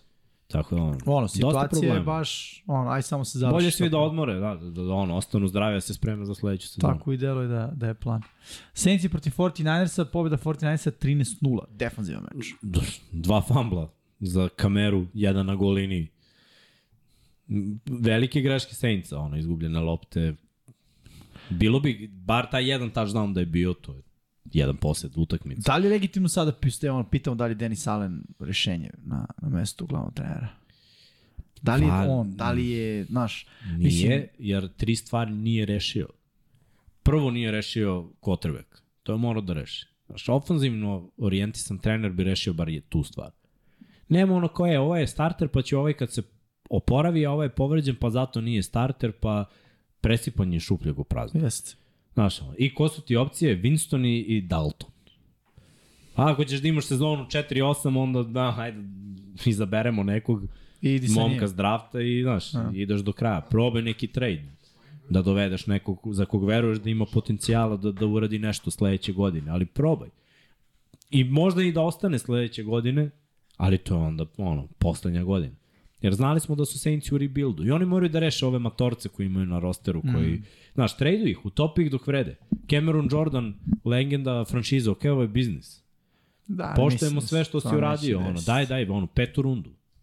Da. Znaš, ono, može to da nam bude igrač specijalnog tima, može da se desi da je dobar ofenzivni još, ili ne znam, još jedan running back, jer Kamera nije zdrav ni jedne sezone. Mislim, nikad Da, ne da. znaš kad, kad ćeš da izabereš dobrog igrača. Šaro Robinson nije ni draftovan što igra u Jacksonville, sjajan running back. Tako je. Znaš, napravi bolju evaluaciju. čekao pik sedme runde. Tako je. Bolja evaluacija, pronađi igrača koji radi posao. Jeste. Ali to moraju da učine. Mislim, imaju i oni bisere ove godine koji su pronašli. Lave pun pogodak. Jeste. Daj mu, daj mu kvotrbeka koji će da ga razigrava. Tomas, traduj. Reši ga. Da, Da. Tako je. Traduj i probaj da izvučeš. Peta, šesta runda, okej. Okay. tako je. Mislim, ne, neko će zagristi taj mamac. Ima ekipa koji su očeni, znaš, Jeste. žele da Možda probaju ne po ni svaku peta, cenu. šesta, možda dali vi treću, četvrtu rundu. Mislim. Ostaviš Jarvisa Landrija, izabereš još nešto, razmisliš malo. Mislim, pazi, divizija u rebuildu. Imaš vremena. Jeste. Nije ono mora Ali sledeći godin. moraš da praviš potez sada. Tako je. Ako čekaš još godinu dana, Ne. možda će to biti godinu dana prekasno. Tako je. Sad Zbog. Karoline koja će verovatno da odradi Da, da. ono, rebuild u, u Nije pravom samo smeru. Karolina. Znaš, Pa ne, tamo Ja ne vidim da će raditi neki rebuild. kako da. neće?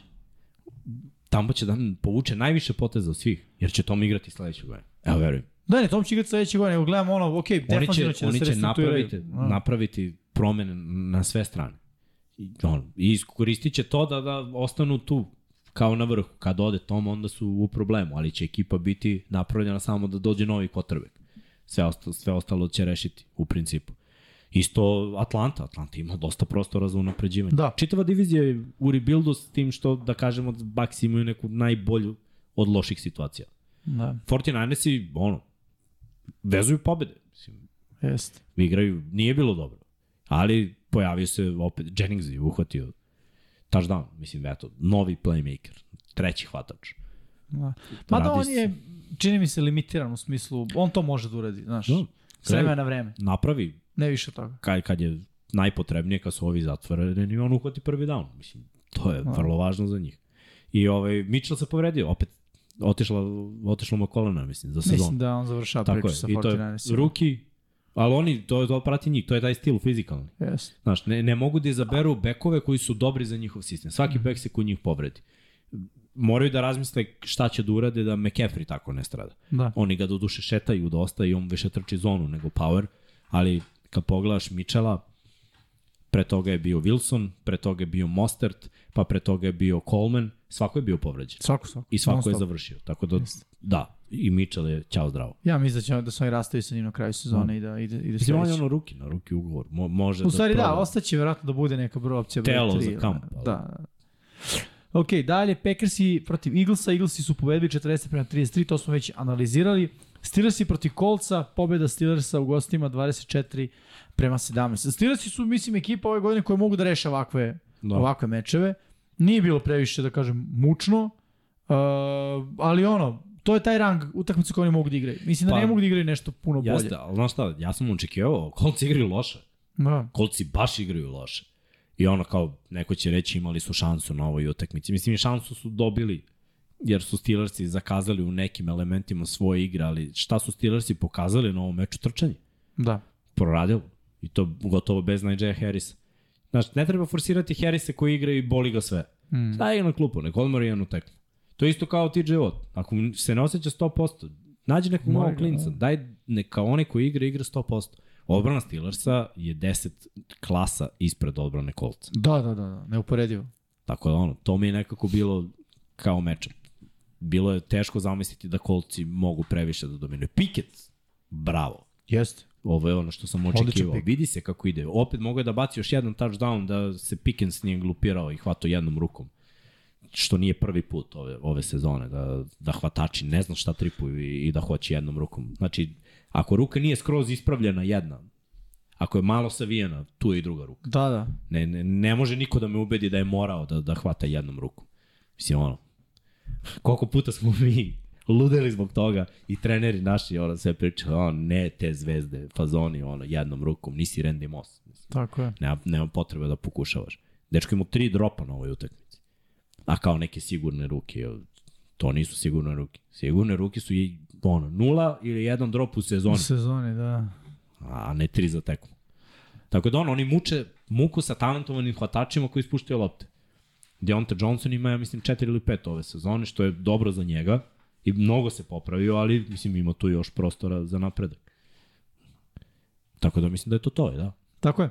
To su To. sve utakmice uh, 12. nedelje. Ajmo da uh, Prognoze? prođemo, ajmo prvo heroje, Ajde da, da. uh, da. džokere i tragičare. Ajmo da vidimo koga smo izdvojili kao heroje uh, 12. nedelje. Meni je Joe Jacobs. Mislim Ma, da je treba to si napiše super hero. jednostavno i to je to. Ajde, nećemo Da. puno, rekao si već 300 yardi iz krimidža čovjek. Da. Ludilo. I, i touchdownovi još. Vanja Vanja- izabrao Herberta. Pa Herbert je iskidao tek. I kad Jeste. je bilo najbitnije, bacio touchdown i konverziju za dva poena. Timing je bio savršen, lopte, ono, sve na mestu, baš je bilo herojski. Plus je na ivici bilo. Igraš za playoff, to je to sad mora svaku utakmicu da igra ovako, Tako je. kao heroj. Meni je Trevor Lawrence, jer je održao čas sekundariju Baltimora. Ali celu utakmicu je igrao ok. Tako da ono, šta se pokazalo? Da ako mu daš dovoljno hvatačkih opcija i ako mu daš dobar sistem, da on može da napreduje zapravo. On je, on je napredovao mnogo u odnosu na prethodnu sezonu. Već sad ima više touchdownova, a ima tri put manje interseptiona nego prethodne godine. I ljudi ne treba da postave standard Patrick Mahomes i da quarterback bude samo ono, došao car. Ne ide svima tako. Znači, Tako je. neko mora jedne Ima put. sezone ruki loše, pa sophomore sezona ok, vidi se poboljšanje, treća godina, to je to, ajde da, Da. vidimo. To, to, to bi rekao, baš je odigrao herojski. Dobio utakmicu, bacio konverziju za dva pojena, isto koji Herbert. Bukvalno vanje ja copy-paste to. Jeste. A, Srki je izabrao Nika Čaba. Dobro, O, Klen Čabara. pobedio. Čabara odradio svoje. Vrate, gazi.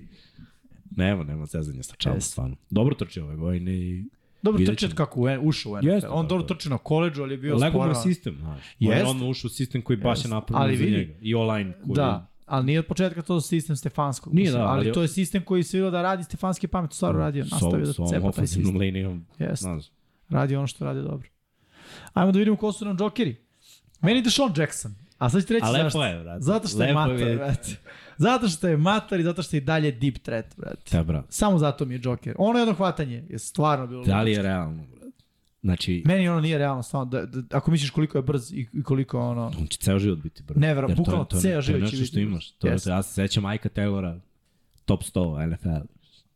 Sean Jackson, trči fade i trči post. Svi znaju da trči fade. I da ne možeš da braniš, I ne možeš da braniš. Tako je. I op, ovaj put je, je, je bilo, znači tačno vidiš, čeka Lamar, čeka, malo, malo je kupio vremena, da mu je malo bolju loptu dao.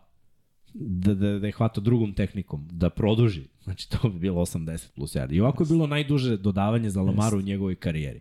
Bilo je 65 yardi. To je airball ili mislim Air. da... Da. Šta ti to govori? Ako Lamar onako stojećki iz džepa može šikne, a pazi, Š- 60. 65 se računa od linije skrimidža. Da, da, da, ne da kako je bacio. Je. bacio realno sa 72, realno, ili tako otprilike.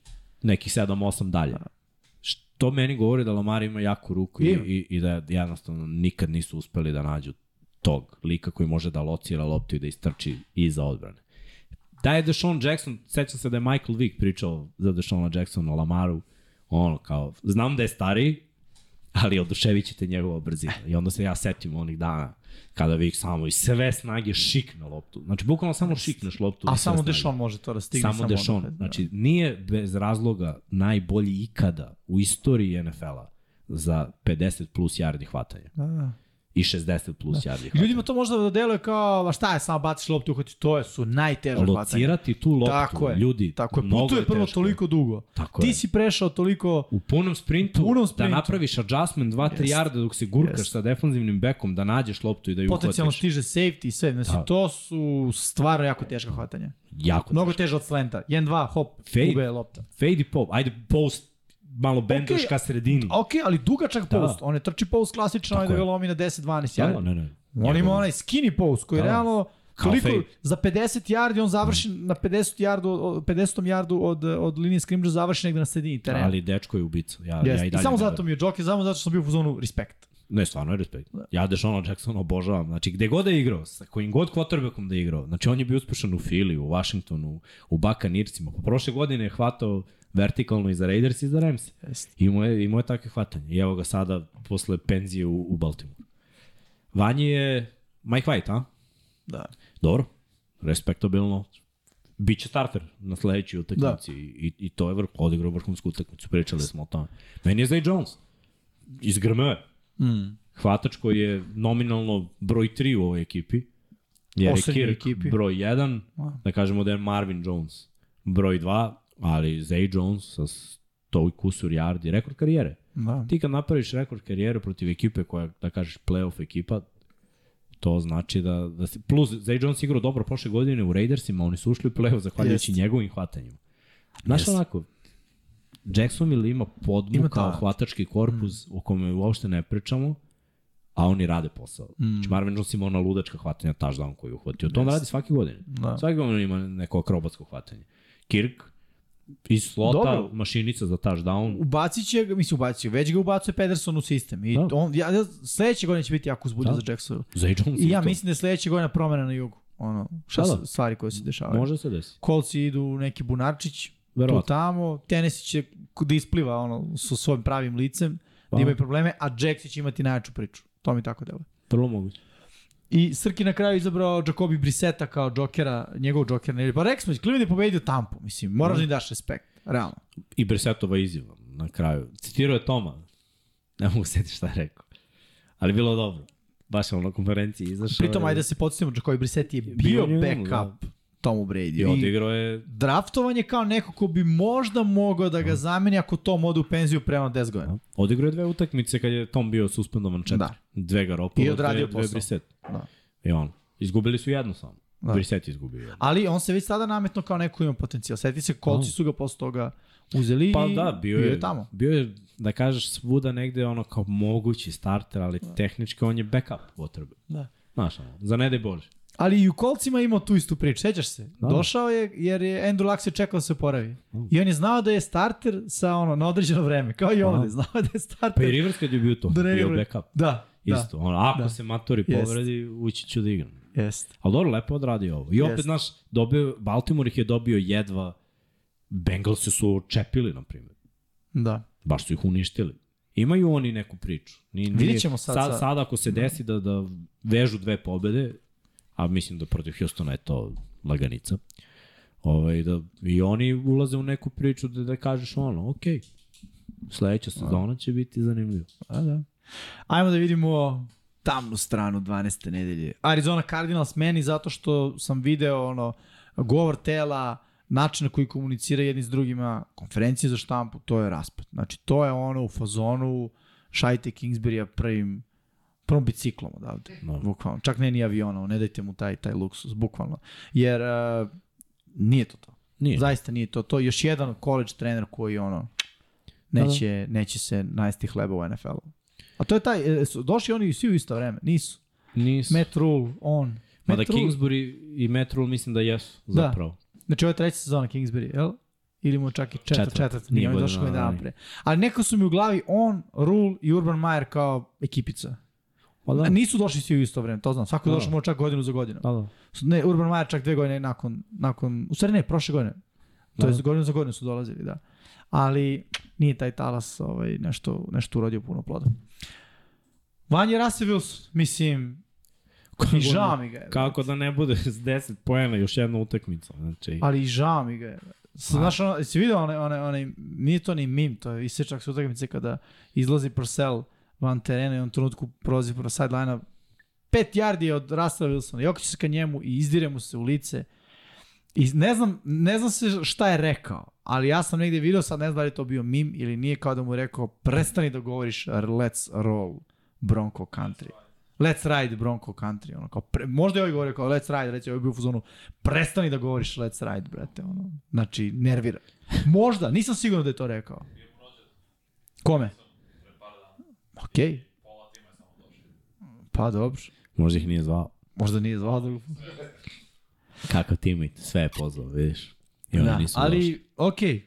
Tra- tragično je. Realno, Pravda, pravda za Rasela. tragično je, ali ajde, ne znam. Pa Mi šta je tragično, bre, život mu je u fulu, ima Pa ne, kintu, njemu jeste, ali iz, iz perspektive Ja toga šta radi. Let's Ride. kupio, bi, kupio bi tri konja. I pustio Ride od Sijare. Je da on ima pesmu Ride? Ima Sa nešto. Ludacris. Da. Pa, š, nije Rasta lud. A, meni je Metran, pazi, ako kritikujemo Rasela Wilsona, mislim šta reći o Metran Metranu. je ono ispišana muštikla, razumeš? Matt Ryan je bukvalno pokazao da je penzioner. Znači, Nije najviše, najviše izgubljenih lopti ono, ima. Opet je fumblovo. Ok, mo, bilo je i krivica Jonathana Taylora koji je skupio ruke ranije, ali to je bila šansa za kolce. Mnogo nekih dodavanja, nepokretanje. Kad ga gledaš, znaš šta, naša reprezentacija u futbolu deluje Speedy Gonzalez brzo u poređenju s Mattom Ryanom, a tipa mi delujemo baš sporo. Ne. Znaš, ono, užas, užas, užas. Matt Ryan, ne tragičar nedelje, nego tragičar sezone. I to je to, ova posljednja sezona u karijeri. Sigurno. Ja ne znam ko, ko bi nje... Znaš, za Rastela kažeš mlađi je, mobilan je, ima jaku ruku, Pa možeš još da veruješ. U ovoga više ne postoji možeš da neka veruješ. vera da nešto može da se desi. Za Meta Ryana ništa, a pritom kolci imaju drugi najveći broj pokušaja dodavanja ove sezone. Verova, ne verovali ili da. da. Drugi najveći broj pokušaja. Ok, veći deo te taktike je bio zahvaljujući Franku Rajhu, ali prosto neverovatno da je čovjek toliko prangijao, a uzalud. Uzalud. Uvijek se vraća na primjer, municije. na primjer obućara u mom kraju. Taj obućar dugo postoje, ali dugo loše radi. Da. I to je ono, znaš, ne mora da znači da ako nešto radiš dugo, da ga radiš dobro. Da. Tako i taj čovjek. Baš to. Uh, Srki u Baltimore Ravens, mislim da im je on više zamjerio nego ti. Ovaj, Da, ovaj pa ne, znaš, nije prvi put, isti, isti poraz, četiri ista poraza. Da. Vodiš sa uh, touchdownom ili više razlike. Znači, Da. svaki poraz je sledio touchdown ili više razlike u jednom trenutku, u četvrtoj četvrtini. I izgubiš. Što znači da, znaš, negdje moraš da, da sedneš, da razmisliš. Ja bih menjao defanzivnu taktiku, definitivno. Uh, neko je postavio pitanje prošle ili pretprošle nedelje, zašto ekipe u posljednja dva minuta igraju mnogo bolje u napadu i pomeraju lance. Zato što odbrane se povuku skroz i otvore ono, prvih 10 yardi bukvalno. Ja neki utisak imam da Baltimore otvori 15 yardi. To, to je ono najveći problem. Ali da su tragičari, jesu. Ne smeš da izgubiš ovim trenucima. Moraš da, da ideš da napadaš viši sid da bi imao slabijeg protivnika. I mora da budeš prvi u svojoj diviziji. Tako, Tako da je. možemo da idemo na naše rezultate. A, ajde da čačnemo te prognoze, da vidimo kako smo prognozirali prošle nedelje, kako smo prošli. Ajme, što bi rekao, Ovako sam Russell Wilson, let's ride. Da. Tampa nas je onako zakupala sve, Jest. da kažemo to. Buffalo smo svi videli. Uh, Dallas. Pa, Dallas je bio očekivano, ti si išao na iznenađenje Giantsa, Da. ti i Srki veliki, ali Giants i mnogo povreda su imali, plus je ono Thanksgiving. Nekako to sve pripada Jerryu. I, Ali i bilo je Dallasu. tesno. Bilo, Bilo je, je da. Pa ne, Giants je se bore ove godine, stvarno respekt. Oni se baš bore. Uh, Minnesota, New England, bilo je i to blizu. Neki utisak je da je New England malo i pokradeno na ovoj utakmici nekim sudijskim odlukama. Uh, Bilo je malo suđenja na strani Minnesota, ali opet New England je bio nesposoban da postigne touchdown. I o, pričali smo već prehodne nedelje, da. Da. da se ne ponavljamo. Minnesota, svi smo izabrali osim Strkija i bili u pravu, Tampa Bay, kolektivni fail. Kolektivni fail. Tennessee, Srki Veliki, izabro Cincy i Ubo, verovo je u napad Burova. To je taj trenutak ludila. A mi smo verovali u sistem Rabela, ali taj sistem ga je izdo kad su skočili na long snappera. Houston, Miami, nemo, redko ko je ovde birao Houston na svetu. Chicago protiv Jetsa, Srki Veliki je verovao u Chicago, želeo je opet da ima moment ludila, ali Imao je moment ludila. Da. Dobije moment ludila. Znači, kad pogodiš, moment ludila kad promašiš u Leon Luci, znaš, da. nema šta moment. Jetsi su tu slavili, Washington smo svi izabrali, svi smo bili u pravu. Mada je mogao da bude. Da, Da, da. da. test. Bilo je tesno. Da. Uh, što se tiče Denvera i Karoline, A, verovo je Jimmy je izabrao Karolinu, Srki Veliki i Pablo, Vanja, Srki i ja Denver, Russell nas je izneverio. Let's ride. Samo Jimmy je bio Jacksonville, to je bio onako hrabar, da. vuk samotnjeg potez i na kraju Prošlo. Komerzija da dva poena prošlo. Svi mi failovali što se tiče Chargersa i Arizone, samo Pablo je birao Arizonu, fail. Mada bilo je blizu, ovde Jeste. smo svi mogli da se crvenimo. Jeste. Seattle protiv uh, Las Vegasa, Toliko je bilo blizu. samo Srki Veliki je ovaj, ubo Raiderse i to kakva utakmica. Svi smo videli. Seattle, da. I moglo je da se desi, ali nije. A onda idemo na vedrije teme, na malo zeleniju stranicu. Raidersi, ovaj bre, Ramsi protiv Chiefsa. Chiefs je rešili bez problema, San Francisco rešio Saintse bez problema, svi smo pogodili jedno i drugo. Fila protiv Green Bay-a, Srki Veliki ostao u svoje Packerse. Dobro, možda ste dobili Hotterbeka, Možda. ali pobedu, niste do, ali pobedu niste nisi. dobili Eagles. Da, svi smo ostali pogodili da ide Fila.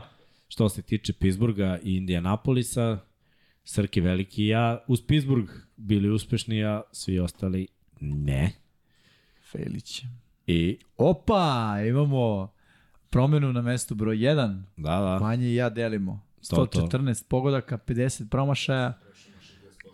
Kada bismo zaokruživali, Vanja i ja bismo bili na 70%. 69,51. to, to. Ja se približavam trećem. Da, da, E, posljednje dve nedelje sam najbolji.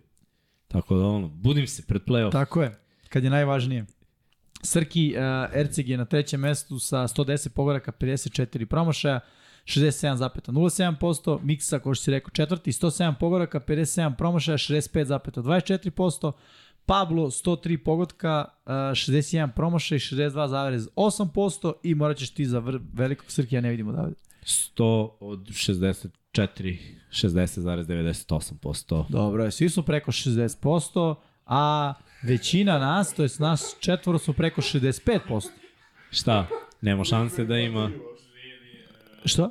Ne? Nema dovoljno ovih poraza, nije dovoljno upisao Vera, vidim, vidit ćeš u sad u ovo running pool. Kome? Kome nije upisao? A nije upisao dovoljno poraza? Porazi su prošle nedelje. A porazi nisu dodati. A, Dobro, okej. procenti su slabiji. Trka se poništava. Trka se poništava. Po Pobede su pobedi tačaka, ne znamo poraze. Mislim, šta sad? Pa dobro, znaš, Dobro, se znači, broj znači pobjeda ovako, na kraju. raspored od prvog do šestog mesta je dobar. Ali ne znamo procente. Sledeće Okej. okay. duplo doza poraza. Dobro. Dobro. Ej, i možda i dobro u ovom poražavajućem danu, za, znaš, da. Da. da, malo imamo manje poraza. Ajde onda da vidimo kako izgledaju vaše i naše prognoze, odnosno a, 99jari.com. Bata i dalje prvi, bravo Bato, 120 pogoraka, 60 promašaja. Na mestu broj 2, Bolinks 87 i Vanja, 118 pogoraka, 62 promašaja. A, Inđa, Johnny RV, Mrki i Simeon na četvrtom mestu, to je Deoba, 117 pogoraka, 63 promašaja. Miksa moraš da preuzmeš ja da ne Metal vidim. Crumb, Gangula, Lagano, svi dele osmo mesto. Da, Metal Crumb, Gangula, Lagano, Ika Car, MT5, Sava Dugi, Terry Hill, Viktor Alex 44, svi imaju 116, 64, 116. Zapravo pobjeda. Metal Crumb ima 63. Aha, promašaja. eto, ne vidim Da, od, da, ja da od aparata. Da, ali okej. Okay. Uh, I dalje ljudi pokušavamo da skapiramo kako funkcioniše Run Your Pool. Uh, nemaju svi jednak broj uh, mečeva, ali uh, verujte da nije do nas. Da nešto štelujemo, prvi bi bio ja, odmah da vam kažem. Bukvalno. Da nešto To da štelujemo, obećam, da. ne bi bio sigurno tamo negde iza. Tako na je. 40. mesecu. Evo, da, ne bismo bili... ovaj, Ali, 113, te neke razlike, znam, sad, sad se kristališe već, sad, sad ću manje različito da igram. Ima ovih nekih tekmi, imam pojma kako da odigram. Da, pa stvari što ne igram u isto vreme. Ja jedno A. odigram jedan dan, Pa drugo odigram drugi dan onda možda malo i zaboravim. Trudim se da odigram sve Pazi isto. ovo, sad na primjer, jedno je Miami, jedno je San Francisco. Pa kud poklo, poklo, negde ću da pogodim. Brani Pa, tiket. da, ranju tiket. Ajde vidimo gde smo nas e, šestorica na celoj tabeli. Vanja, rekli smo već drugi, ja sam 24.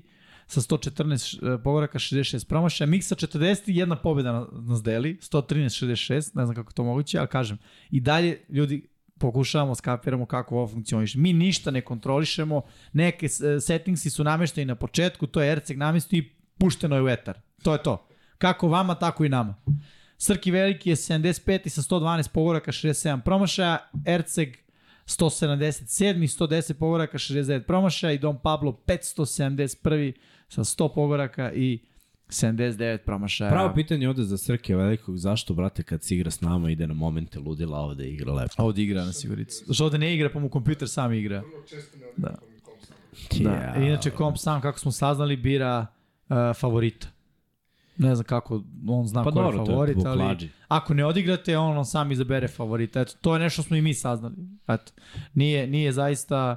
Neko nam je poslao ljutit uh, mail ili poruku da nameštamo da je prevara, da je pokraden. se igram. Kao u slagalici, ono, uzeli ste mi 10 poena, doviđenja. Ali okej, okay, razumem, ni ja ne volim kada se, kada osjetim neku vrstu nepravde, ali eto, verujte da je ista nepravda i prema nama, u smislu ja kad ne stignem da izaberem, kompjuter mi nešto izabere. Nešto da sam e, na našem e, e, šitu, da tako kažem, izabrao određenu ekipu, nisam stigao da izaberem, obično Thursday night, Iz, on mi izabere ekipu koja je izgubila, favorit je izgubio i šta sad, imam jednu pobedu manje nego što imamo vamo. Nema veze, igramo se ljudi, nije... Ne, Da. ne, ne, ne znam šta je prva nagrada, ono, stanu u Beogradu na vodi da biste sad toliko... Da. Ali okej, okay, kažem, Čekaj, razumem. nagrade su u stvari samo majice, da. Pa ne, bit će možda i trofeji. Da, Nismo ništa ustanovili, ali duga je pa sezona. da, mislim, neće biti stan. Da, da, bit će Da. neko, neko pečenje, neko tako. Pa kako izgleda trenutno, teško ćemo mi pobediti. Ali, Dobro, Vanja može da se a, progura. To, to. E, rešili smo da ove nedelje vratimo segment priča nedelje. A šta, E, šta je priča? Ne? Priča je Deshaun Watson. I njegov veliki povratak. Može thumbnail. Napravili smo thumbnail koji bi trebalo da ovaj, nas asocira na Dešona Watsona i kako pa skoro pa direktno iz sudnice ide dečko na teren. Zašto nosi 0-4? Ima 0 pobjeda ove sezone. Ovo je Ima kao- 0 minuta odigranih. Da, ono. Ovo je kao kad je Tupac izašao na dodelu nagrada i zatvara na kauci. Auron Bale. ja, pa kao. Da, ali eto, Deshaun Watson se vraća posle dve godine pauze. Pa Poslednji da. meč, ako se ne varam, januar 2021. Pa, je igrao u predsezonu. Pa dobro, ali to je predsezona. Jeste, ali bio katastrofa. Pa, To kažem, govori, predsezona. da. Pa ne, ali on Ne, je ali šta bio... se sad dešava? Znaš Ne, ono, Deshaun Watson u predsezoni je trebalo da bude Patrick Mahomes. trebalo. Ali, Ali nije. igranje s ortacima u kraju Da. nije NFL. Nije. Mislim. I hiljadu stvari koje ti imaš. Mi smo sad pričali koliko nekim igračima neke stvari utiču na fokus, na uh, um, na mogućnost da igraju dobro ili ne. On je u tolikom problemu. Plus, sve ove žrtve će doći na utakmicu u Houston. Dobro. Imaju karte. Biće Šta sigurno to ne... govori? Ja ne Šta znam. mi to govori? Da. Zamisli ko je to pritisak, brate. Zašto? Što, ko- kao da gleda tribine, mislim. Šta Brate, ga briga, Ljudi će navije, sve vreme će da bude, doći će to do tebe, razumeš, to Pa, navijanje dobro, sve. mislim. Plus i otišao, prodao si Houston. Pravio si te gluposti, otišao si. A ljudi tamo na tekmu ne dolaze da gledaju Texanse koji igraju dobro. misliš, misliš da će mu publika zviždati u Houstonu? Publika će doći samo da mu zviždi. A vlasnik će da pokloni, ja da sam vlasnik sada, to je taj finalni potez. Zviždači za sandvič. Ma bre, besplatne karte. Svi dođite, napunite stadion, majica ako zviždite da Sean Watson. I to, i Ti to bi je... bio surov vlasnik, samo da ti A kažem. ovaj nije surov. Potku, znam. Uradio ćemo. sve kao što sam rekao da će da uradi. Zato što je to merenje. Znamo Da. već. Čega?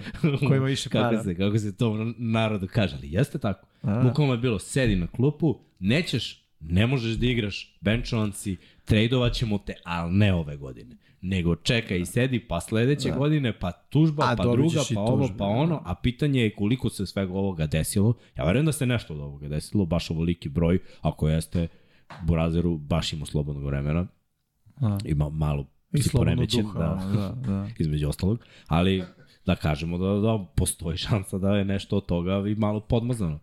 Baš tom lovom. Da, da. Tako da ono, ja očekujem da, da će biti jako težak start. Drugo, vidio sam u predsezoni ozbiljno mučenje i, znaš, mogu oni da dobiju Texans, ali ova sezona je... Koliko bi će njemu da znači pobjeda, recimo?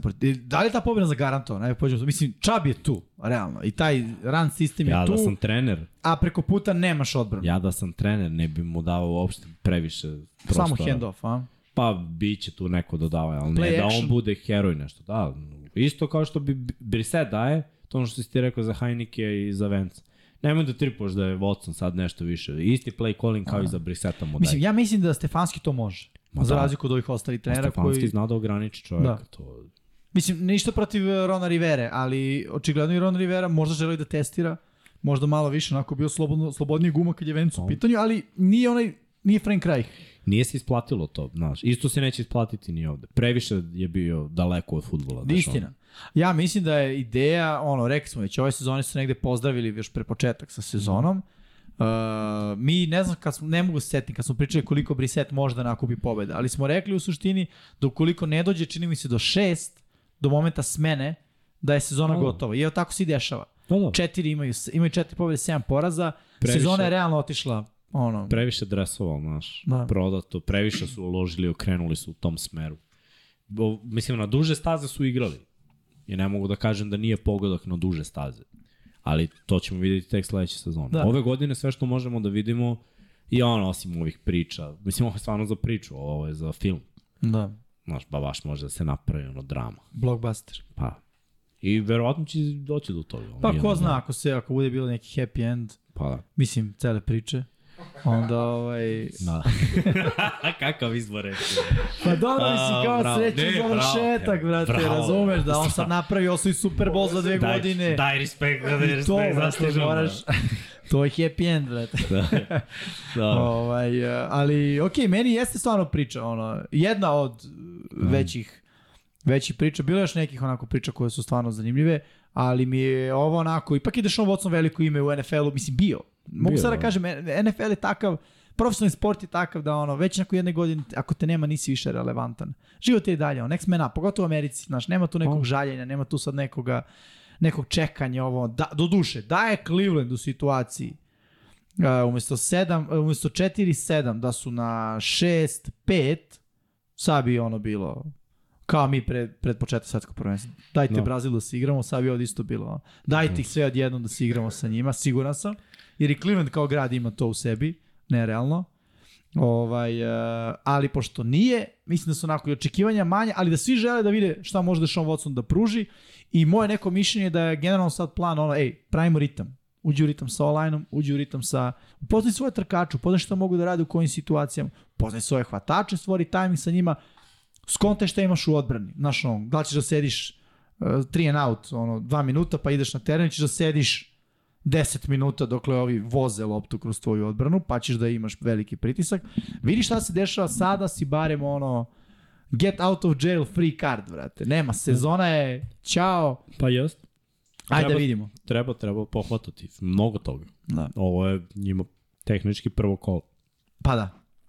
Tehnički prvo kolo u Što sezoni. može da bude od- dobro, može da bude katastrofa. Da, I vidjet ćemo šta je od ta dva. tako je. Ok, Uh, ajmo da idemo dalje. Na sledeću nedelju. Utakmice koje smo najavili. Ajde po ovo što je odigrano. Prvo. Aha, da, da, mislim da nam to jeste prvo. Bilsi Bilsi protiv... i Patriots i sinoć. Uh, pa ono, da kažemo da je donekle bilo neizvesno u prvoj četvrtini, u drugoj su već Bilsi dodali gas, Patriotsi su imali neku šansu u finišu, stigli su do field goal pozicije i nije uspeo Folk da pogodi, to mu je ovaj jedan promašaj od dva. Nije bilo neka razdaljina, 48 yardi, mislim, to je dalje ispod 50, to bi trebalo da pogađa, ali on ove godine dosta maši, nije konstantan. Mislim da je on odsvirao svoje u Ali, ma nije. Mislim, Jer na kraju sezone najbolji je poenter, znaš, ig- igraće. Pa znam, ali... Igraće celu godinu. New England sada, znaš, gubi vrlo važan meč jer ispadaju iz te trke za, za wild card. Oni nisu ni bili u slici, ali su bili ono, tu, bili su tu, kao na prag. Sad Chargers imaju tu veću šansu u odnosu na njih. Padaju opet na posljednje mesto u diviziji, ako su ti počistili Jetse. Tako da moraju da, da nađu negde drugi. Bills ih imaju godinama. Ovo, za njih je uspeh, za New England ovakva utakmica. Jer Bills i posljednje dve nisu pantovali protiv Patriots. Da. Jedna je bila vetar, u stvari jedna je bila playoff, druga je bila gaženje na, na Foxborough. Te dve utakmice nisu pantovali. I pogledaš kako su igrali sinoć Billsi, bilo je to zaustavljanje. U jednom trenutku je bilo i dalje 10 razlike i uspevaju Petri, bilo je 17 uh, 10 ja mislim. I uspevaju da ih uh, zaustave ili je bilo 17-7 ja mislim. To je bio rezultat, 17-7. Zaustavljaju ih tri puta defanzivno. I tri puta su nesposobni ofanzivno da dođu bar do field gola da bude ono 17-10, da bude jedan touchdown razlike. Šta ti to imaš da tražiš više? Nema, tu, tu nema ništa, nema nikakve priče više. I onda gledaš neki nemogući scenariju na kraju. Bili su iz pola gasa. Jeste. Tako su igrali. Trčali su malo, ali dovoljno. Svako dodavanje je bilo za novi prvi down. Kada ni- nisu vršili pritisak, a nije ga bilo uopšte, Josh Allen si igrao. trening utakmica. Baš Da, trening Patrioti utakmica. su uglavnom sa četiri rašovali. ono. Nisu Da. toliko išli Ništa posle. slali blic. Da. Par puta su prošli, bio je jedan sex trip fumble, ali uglavnom se Allen Da. poigravao. Dobro, meni to recimo ima smisla. Mada Allen uh, ume da bude to. sekovan. Ne, ne, ume da bude sekovan, znaš. A, Hoću kažem, nije kao Mahomes. Za Mahomes je sek- baš prelaka igra kad mu šaješ blic. znaš da, secondary Patriots nije na tom nivou da igra Nije. jedan na jedan. I nije Jer su je. svi imali svoj dan. Znaš, Da. da. McKenzie imao svoj dan, hvatao je za prvi dan, Diggs imao svoj dan, dao je touchdown, Gabriel Davis je, je uhvatio touchdown. Da, bio je okej. mislim, ovo Svako je je radio svoj da. posao. Singletary čak i trčao je dao je touchdown. Ono, Sve mi je je dobro. Cook je igrao dobro. Da. Nahim Hines imao neka. Bukvalno su ih rastavljali, igrali su se. Jeste. Ovako ti igra ekipa koja hvata ofenzivni ritam. Nije Da. bilo sigurno, nije bilo dovoljno dobro, ali da se prekine serija poraza i loših partija, jer da se ne lažemo, oni su izgubili dve utakmice od Minnesota i od Jetsa i jedva dobili Detroit. E sad nije jedva. Da, da. Sad je bilo onako, ok, i evo Billsa. Da su ovde izgubili, ja bi dalje mislio da su ono u lošem ritmu, jer zapravo jesu bili do ove utakmice. Sad Bills je daju gaz do kraja sezone i pitanje je da li će izgubiti još jednu. Tako je. To je- Pritom ono, je igrali su dva Thursday nighta. To je bilo i prošle godine. Da. Ista priča. Negde u sredini su imali niz loših partija i onda je krenuo gas do kraja i nije stao do, do play-offa. Mislim, realno nije ni u play-offu ofenzivno Da. da. stao gas. Ali ovo vidjet ćemo. Mi, da. Mislim da, da su oni broj 2 u AFC-u. Samo iza Chiefsa, jer su Chiefsi konstantno u dobrom ritmu, a šta smo videli od Chiefsa u decembru u posljednjih, od kada Andy Reid tu. Pa, Ja mislim da je 6-7 godina. Tako da, je. šta imaju dva poraza. u- Mahomes nema, nema poraz u, u novembru. Nema da, poraz u pa ne, novembru. nema ni sad. 32 pobjede. Da, ja I mislim. sad ide decembar gde opet Da, im se ono otvara malo jeste. i, i da kažeš da oni mogu da, da privedu kraju ovu sezonu. Tako I opet to je nekako meni finale konferencije koje bi trebalo da bude. Sad mogu da se sapletu jedni i drugi eventualno o nekoga, jer će da podcene ili da previše rizikuju, jer imamo to i od Mahomesa i, od Alena, te momente ja sam najjači, mogu da bacim levom trepavicom, ali može i da se ne desi. I ono što je problem za Bills što je Von Miller povređen. Ali to je kalkulacija. No, Jeste, čekat će se playoff, mislim. Da, ma nije, igraće ranije. Nego neće da, da forsira, on ima otok trenutno. Mm. To, to ono, i, i to sam imao. Prođe otok taj za, za dve, tri nedelje. Matro čovjek, znaš. Da, pa što, jeste. šta rizikuješ s otokom da treniraju bilo šta. Jeste. Odmori, spadne otok, neće artoskopiju raditi sad, radit će na kraju sezone i odigrać. Ti možeš da igraš, košarkaši igraju sa iskidanim meniskusom, a mnogo više bolje skačeš. Da. Ovde ti tehnički dok trčiš osjećaš nelagodnost neku u sredini kolena, ali može da se igra. i... Pa možeš da igraš preko toga. Mm. Mislim, mislim, ja nisam ni operisao na kraju. I dalje ono. Što, što ti je jači kvadriceps, u principu osetiš kad se nekako nagaziš drugačije, to te preseče i bude ti malo nelagodno, zaboraviš. No. Vremenom zaboraviš na to. Mislim, naravno, Von Miller će se operisati na kraju sezona, Da, da, da, da se da. razumemo. On ima, ja mislim, u interesu još bar dve da odigra. Sigurno. Juri, mislim, ima ugovor sa Dobio je ugovor, da. Sigurno će hteti da, da ostane, a Billsi će biti relevantni sigurno Hoće, još dve još godine. godine, da. Tako da mu se isplati da uloži Jeste. malo u, sebe. Bi, Ajmo- Biće to dobar tim. Da, ajmo dalje na, na sledeći meč koji izdvajamo, to su Jetsi protiv Vikingsa. Sad, e, Dobar meč. jest. Dobar meč i za jedne i za druge. Jeste. Važan meč i za jedne i za druge. Mm. -hmm. Jetsi ovde mogu da onako malo potonu što se tiče eventualnog mesta za playoff. Vrlo im je važno da uspostave ofanzivni ritam i protiv Minnesota koja dobro rašuje. Mislim da, da, da imaju bolji raš od njihovog prethodnog protivnika. Tako da tu se treba izboriti. Secondary im je takođe respektabilan. Mnogo bolji nego Chicago. I to je u stvari pravi ispit za White. Ako i ovde može, ne mora da ponovi istu partiju. Ne, neka bude samo siguran, nek ne prodaje lopte i neka je ekipu dovede do 20 poena. Mislim da je to skroz ok za Jets. Jer njihova odbrana s druge strane, Minnesota smo videli jednom da ih je Dallas unakazio ove godine. Sumnjam da će se to desiti. Ima nekoliko stvari koje želim da gledam na ovoj utakmici. Prvo, JJ protiv JJ Gardnera. protiv Gardnera, tako je. To je ono, hvataš broj 1, korner broj 1. Uh, želim da vidim igru trčanja Jetsa u većoj meri protiv ove odbrane Vikingsa, mm -hmm. jer može. Pokazao nam je Dallas da može i tekako. Tako je. Naravno, mladi quarterback protiv generalne odbrane Dallas i Kirk Cousins protiv ove odbrane. Jer Da. Kirk Cousins protiv legit odbrane Billsa, ok.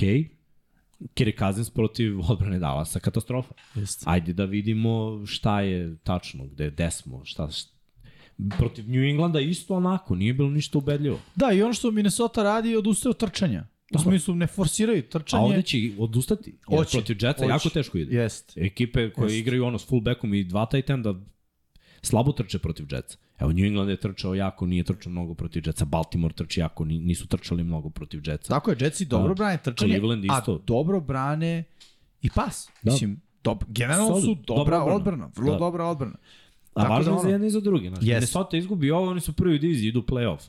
I niko ih neće ugroziti, bit će oni drugi seed. Da. Vrlo verovatno. Jer ove ostale ekipe da dođu do tog brava pobeda, sumnjam, ba, baš mi je neverovatno. Još ako Green Bay, na primjer, promeni Rodgersa i to, to je za Minnesota onda slavom. Jest. Ono, njihova divizija nije problem. Ali da se ugrozi eventualno Filadelfija, to je već teška priča. Da. I onda čak i da si najbolji tim i da odigraš playoff kako treba, igraćeš finale konferencije potencijalno u Fili. To je nešto gde si se prošli put onako ponizio baš. Meni na ovom meču će biti zanimljivo da vidim upravo što si rekao. Mike White-a, da vidim da li je ono, ono što se kaže jednodnevno čudo Mm. ili je neko ko zaista može da se bori legitimno za start. Ja mislim ako bude imao- imao loš meč, Wilson se vraća. To je to ono. Da. To je moje neko mišljenje. Neće se puno rizikovati sa njim jer playoff je tu, ono. Pa da. Miriše. Može da se namiriše. Moraju što da se- pobede neke utakmice. Znaš. Da, a što se Minnesota tiče, hoću da vidimo ono da li će a, da budu balansirana ekipa ili će da forsiraju ono pas, pas, pas, pa ono, ajmo, što ti kažeš da merimo, da vidimo. Moj Mhm. najbolji protiv tog najbolji, ono, liga najbolji receiver protiv najbolje cornerback u ligi, pa ono, ajmo da vidimo ko je bolji. Tako da to su mi onako neki baš zanimljive stvari koje ja čekam da vidim na ovom meču. Dobro meč, dobro meč. Da. Ajmo dalje. Drago mi je da ima u kolu ovakvih dobrih meča. Mhm. Mislim, ovo je bilo dobro staviti u prime time. Ovo da je bio Sunday night, bilo bi Jeste, bilo je baš dobro. gledanije od Coltsa i Dallas, ali Da. dobro. Commanders i Giants isto, divizijski Jeste. obračun. potencijalni gubitnik lagano ispada iz, iz trk. Po meni, Može, zapravo. Ako ne mora da znači. izgube, već mogu da vidim da klize u celoj priči. Ako bi Washington izgubio, dao bih im još nedelju dana, barem da ali vidim. ko će da ih ugrozi? To je pravo pitanje. Pa dobro, bilo bi baš neobično da cela divizija prođe u... Bilo bi, da. Playoff. Ali pazi, da bi se to sve desilo... Međusobnih utakmica, to da, mislim. da bi se sve to desilo, neko mora da krene da pobeđuje od ostatka NFL-a, Da. a za sada evo da samo Seattle to može da uradi. Pa da, I, Ali to je dovoljno. Ali, ali Seattle jedno kolo neće biti dovoljno.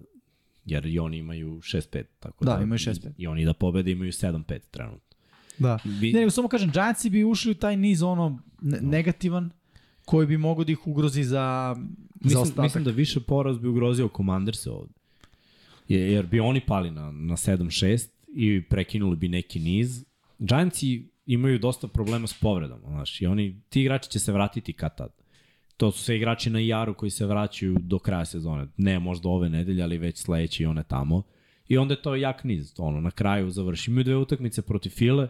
Vrlo moguće da će u toj drugoj utakmici Fila da bude, ono, ako Minnesota izgubi jednu utakmicu, Fila odmara Da. igraće možda ono polovreme ili četvrtinu sa starterima kao Green Bay prošle godine. Čisto kao izašli su na teren i onda ih je Detroit dobio. da.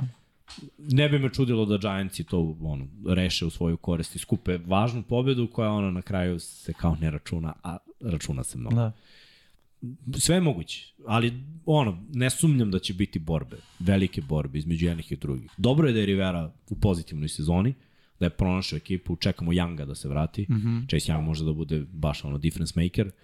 Ne znam se da li će igrati na ovoj tekmi, a za Giants ono, čekamo drugi igrače da se vrate, ali Dable već ima pobedu ove sezone. Jest. Ono. I bit će ovde zanimljivo, dve ekipe koje ono, uh, identitet je trčanje, Da, quarterbackovi. Quarterbackovi pro, on, Prosek. prosečni, ali prednost Heinekeu, jer ne prodaje lopte, I drugo ima uh, Terry McLaurina. Ne samo ove godine, ima ga već nekoliko Da. godina unazad, ima hemiju sa njim. To je najveća prednost. Jest. Tu, tu si upravi. Jer s druge strane nemamo ono, definisanog hvatača broj 1. To, to je najveći problem za Giants. Jest. Oni traže ove godine i verujem, ono, uspeh iz jedne za druge da uđu u playoff.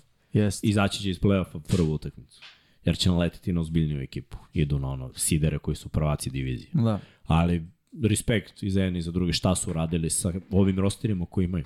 Za sledeću godinu obavezno pojačavanje. Mm. To, to je ono što je preko potrebno. Washington imate neke hvatačke opcije, Giantsi moraju da izaberu svog čoveka. Tako to je. će Dable da izabere, mislim. Da. On je sigurno tražio Stefana Digza. Možda Da. ne treba draftovati, nego dovesti nekog, izabrati nekog. Tako da to ostaje da se vidi. A mi možemo dalje. Ajmo dalje, da. Imamo donaciju na Imamo četu. donation. O, gde nam je zvona? Ding, ding, ding, ding. Tako je. Ajmo sledeći meč da vidimo šta smo još izdvojili. Imali smo promenu na poziciji realizatora Tala, Vanja se probudio. i priključio. Sad traži gde veliki Srki to složio. Aha, to je to, šta? Samo smo izdvojili a nismo prošli četiri utakmice. Pet smo utakmice izdvojili, ja mislim. Ja sam kliktao tamo. I ja sam kliknuo tamo isto. Sa strane. Ono. Ajde da vidim. Izdvojite ovo. Ni. ti, Vanja, proveri, ajde, možemo se mi zadržati duže na nekom sad kada budemo pričali, ali šta smo selektovali, Buffalo, New England, to je okej, okay. Minnesota, Jetsi, Washington, Fila, Tennessee, to smo čekirali, čekirali smo Seattle, Ramse i Miami, San Francisco, ali ajde ne veze, možemo to da, Miami, San Francisco, nemoguće da nismo nemoguće da nismo izdvojili. izdvojili. Da. Ali nema veze, ajde, možemo i ovde, šta sad? Aleksandar Niškanović nam je donirao i poručio Dom Pablu da nastavi da prognozira protiv Las Vegas. Hvala, hvala. Niškanović, je li tako? Da. Niške. Ne, nije bio. Ne, pa mora da... A, evo smo, vraćamo se. E sad, na nas. dolazimo do ovoga ko je ovde ozbiljna ekipa. Znaš, Fila, obe ekipe imaju taj identitet trkačke ekipe. Obe ekipe vrše pritisak, obe ekipe imaju quarterbacka koji dobro radi play action. Tannehill dodaje nakon play actiona, Hurts radi RPO gde može i da trči da doda. Tako da tu, tu, tu Fila ima blagu prednost. Jer Tennessee, Tennessee da kažemo, navikao se da igra protiv quarterbackova koji trče svake godine, osim ove igrali su protiv Lamara. Bilo je utakmica kada su uspevali da ga limitiraju, bilo je utakmica kada nisu. E, to je sad game plan Filadelfije. Treba uspostaviti trčanje kroz sredinu, skupiti tu odbranu Tennessee-a, linebackere i onda koristiti mobilnost Jelena Hurtsa da trči levo desno i da dodaje iz trka.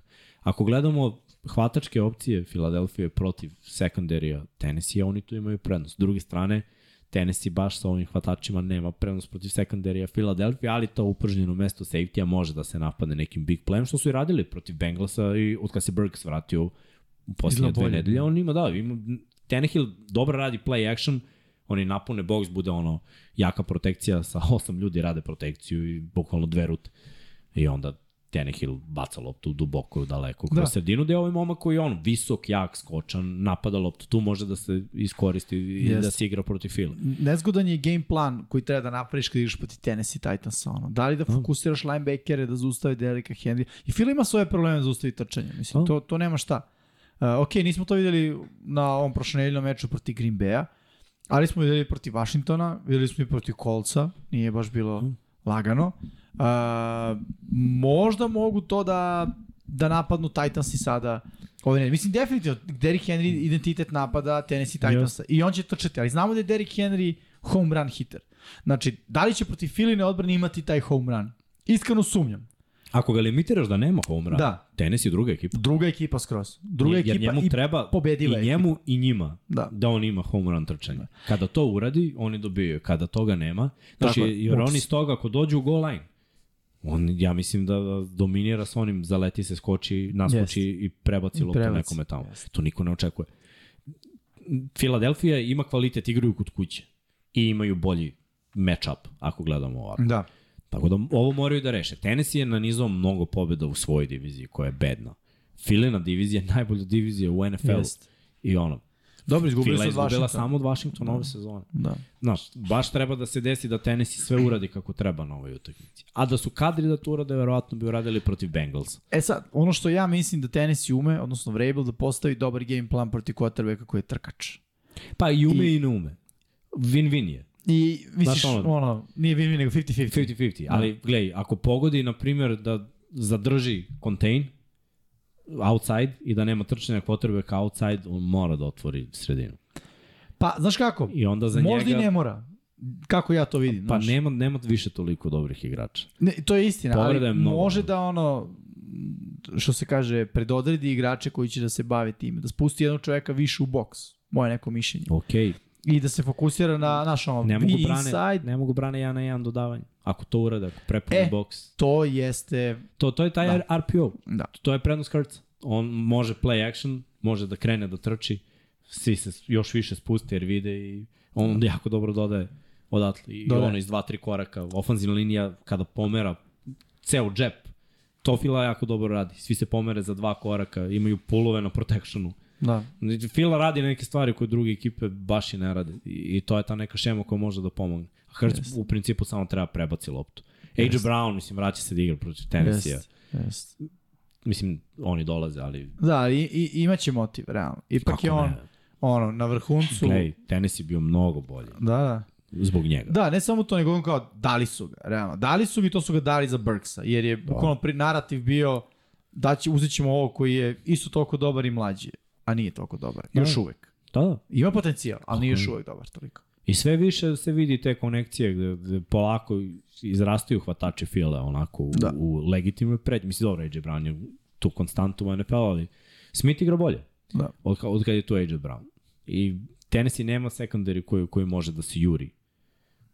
A treba, znaš znaš, ono što treba da igra? razmišljaju, prvo moraju razmišljaju o zaustavljanju trčanja. Jer Jest. Fila, ti kad ti dolazi, kad igraš protiv ekipe koja je imala 350 yardi trčanjem, ono, na sastanku fokus mora da bude trčanje. Tako je. Ja verujem da će biti Zato i osam kažem. ljudi sve vreme u boksu. Jer, znaš, Tennessee to može da limitira, uh, mada je nezgodno, jer ono, RPO se ne bazira toliko na big play. Ali Tennessee je ono bend but don't break tip odbrane, znaš. A Fila je taj napad. oni. Je, znaš, Fila je taj napad. I oni te Jeste. savijaju, savijaju, savijaju i na kraju od tolikog pritiska prepukneš. Jeste. Jer znaš šta, druge ekipe nemaju, Fila ima savršen ovaj, odnos konverzije trećeg downa i četvrtog za kratko. Idu Kakav je Fila u crvenoj zoni? Jer Da li, da li imaš taj podatak sada? Sad ću da ga nađem. jako Ja. dobro. Drugo, ajde, dok to tražiš, procena, znam da, da, da je među boljim ekipama. Fila je najbolja ekipa po diferencijalu osvojenih izgubljenih lopti. I to je jako važno. Zato što ako ne prave greške, ako ne gube loptu, ja ne znam kako će Tennessee da dođe do, do, do toliko šansi da, da se igra sa Filadelfijom. Evo ga ovako, Fila u crvenoj zoni, kada govorimo o touchdownima, znači uspešnost postiđena touchdown u crvenoj zoni, broj 1, Broj 1, pa. 72,5%. Znam da, da je dobro. Brutalno. U poslednje tri utakmice 80%. Znači, Igrali su Fila se, znaš, zato što baš to- kida. jak, takav je game plan i, i ofenzivna linija radi posao. Možeš da trčiš, možeš da radiš play action i možeš da dodaješ. I, imaš sve, bukvalno, što želiš. Jeste. I kad pogledaš posljednje neke utakmice kako je Fila igrala, samo uvereno. Za, zašto znaš. gledam? Ben, Samo je Washington imao način da ih dobije, ali Washington je igrao na hvatače koji su hvatali sve za prvi Jest. down.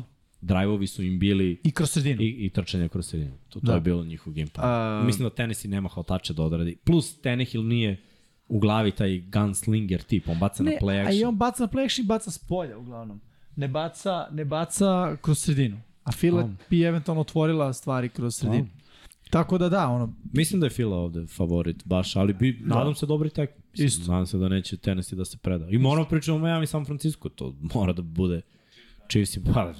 Kaže, Vanja, idemo dalje. Gde idemo dalje, nismo ni počeli. da. Ovaj, Chiefs, Chiefs i Bengals. Bengals. E, jedna stvar, Melvin Gordon je u Chiefsima. Pa, neće igrati. Ok, samo kažem. Pričali smo prošle nedelje kao Melvin Gordon, da i mogu potencijalno da bude. Pa, i rekli Chiefs. smo ekipa koja ide ono, u play-off. I da, eki, u ekipi koji će da bude treći tim i pomenuli smo tipa Tampu. Ja mislim da smo pomenuli i Chiefs. Jesmo, I da ja smo mislim. pomenuli scenariju Leviona Bela i Shadya McCoya koji su ono bili Da. da. u ove dve ekipe. Tako da, ajde ovako, da budemo realni. Bengals imaju mnogo oscilacija ove godine, imaju neke povrede, Chiefsi u ovaj meč trebalo bi da uđu kompletni. Sad vidjet ćemo da, da li će svi biti tu. Pitanje je ono, Juju Kaderius Tony što se tiče hvatačkih opcija, ali ovako kad pogledaš ostatak ekipe, delo da je tu. Mislim, Edward Celer što ne igra, meni je još bolje, jer pa čeko trči jako Jeste. i on A odluči. da li misliš da Pačeko može da izgura ostatak sezone do kraja sam? Može. Manje više sam u On, backfieldu. on, pa Ruki je još je taj lik. On je taj back. Vidi se, ono, naložen, mlad. Jest. Ta, on je Karim Hunt malo drugačije građa. Da. I stvarno tako trči. Plus ova ofenzivna linija je zaista konstruisana za, za on, trčanje. Mm. Orlando Brown je mnogo bolji bloker i, i tuni za ran nego što su blokeri za pas. I tačno se, a pazi, odrađuju pas. Ti kad imaš levu stranu takvu, dodaš još jednog, taj, igraju s tri tight enda. Imaju tri tight enda. Imaju Da, da, da. fullbacka kog ubace ponekad u igru Posle ga touchdown. Čak. između ostalog. I ono, na sve to dodaje Mahomesa s njegovim sposobnošću, dodaje Travisa Kelsija, ko će ga čuvao? Mislim, ja verujem da će Hill, uh, da, Mike Hilton, da bude zadužen za njega, ili Jesse Bates. Ne znam ko bi ga drugi preuzeo u ovoj situaciji. Mislim da Bengalsi tu imaju baš, ono, čak i ako hoće da ga udvoje i da stave, Wilson ne može da igra protiv Kelsija sa linebackerske pozicije, u to sam ubeđen 100%. Tako da će biti to mali problem. Šta se desilo u play-offu? Chiefsi su vodili mnogo, bili su samouvereni i krenuli su da se sprdaju. Da. Baš su to krenuli. I Bengalsi su ih sačekali. Postigli poen i na kraju rešili utakmicu u svoju korist. Mislim da, da, da su se Chiefsi ono, opametili, ove godine igraju drugačije i, i mislim da, da pazi, Izraeli, ono dodavanje na kraju polovremena, mislim da je ono odlučilo sve, dodavati screen Tyreeku Hillu za minus 2 jarda, pa da on napravi nešto. Oni više nemaju takvog igrača. Odabir akcije je bolji, Mhm. naročito u crvenoj zoni. Sad kad su u crvenoj zoni ili trče, ili dodaju loptu u crvenu zonu. Nema više ono, ajmo nazad, pa reverse, pa ovo, pa ono. Da. Je, znaš, nemaju više Tyrika Hilla. I to je nekako ispalo dobro za njih. Ja sam mislio da će biti loše, a ovamo ispalo dobro. Odbrambeno, Chiefs su nikad bolji. Da. Njihov rush i front seven radi posao. Secondary im je katastrofa. Tu Buro može da napadne. Ako bude imao vremena da baci loptu. Hoće li imati Chase-a ili ne? Mislim Nije da neće. Mislim da neće. Pa ne, da li znaš? Trebalo bi, pa vratio se na trening, ali odradio je, Ajde. odradio je jedan trening. Probable je, pa onda će da igra, realno. Pa, jedan trening je odradio. Da li bi rizikovao u ovoj utakmici, koja nije ti zagarantovana da dobiješ i da izgubiš Da, ja- za ja playoff i to. da. To mi je veliki znak pitanja. Vidjet ćemo ono. Piše on track to play Pa, against Kansas City. Znači, gledaj, trebalo bi. Ja, ja ne znam kojom silinom je on odradio taj trening. To je bio trening juče. I verovatno je trening danas bio light trening, jer Mm. petkom se ne trenira obično s pedovima. Ali ostaje da se vidi. Svakako i da igra, vraća se posle povrede i neće imati veliki broj targeta, ne bi trebalo. Ako ofanzivna linija, ofanzivna linija Bengals, to, to je, tu se dobija ili gubi tekma. Nema, nema druge. Ako ofanzivna linija Bengalsa uspe da kupi vreme na Burovu, imaju šanse. Ako bude bilo mnogo sekova, nema teorije. Neće moći da, da dodaje ono, za ispod dve sekunde ništa. Toliko Chiefsi mogu da pokriju u Da. sekundariju. To mogu da rade. Ali njihovi blicevi, taj rush, stvarno imaju dobre defanzivne linijaše i na teklu i na endu. I linebackeri kupe sve. Jeste. Stvarno ove godine je... Ne, videli smo Jonesa koji je problem bio prošle nedelje. Da. Ono, znači, on čovjek, je problem svuda. pro- da, da, ali ono, Pa baš. Karl Laftis je igrao dobro. Da. Ono, počeo i, on, i onda hvata priključak i imamo Clarka ovam. Imaju dovoljno igrači i plus konstantno Mislim- na liniji. Bolton je konstantno na liniji ja, skrimidža. ja samo da ne vidim kako Bengalsi mogu da postave game plan protiv napada Chiefs. To mi je najveća enigma, da budem iskren. To je ono što ne mogu da skapiram. A, da li će ići onom, onim pristupom, nećemo šaljemo blitz, jer protiv Mahomesa to ne radi. Pa, znaš šta, oduzmi Kelsija double teamom, Kako? double team. Staviti, staviti safety-a i još nekog da bude kao To je spy. mnogo ljudi, znaš. Jeste. I znaš šta se tu dešava?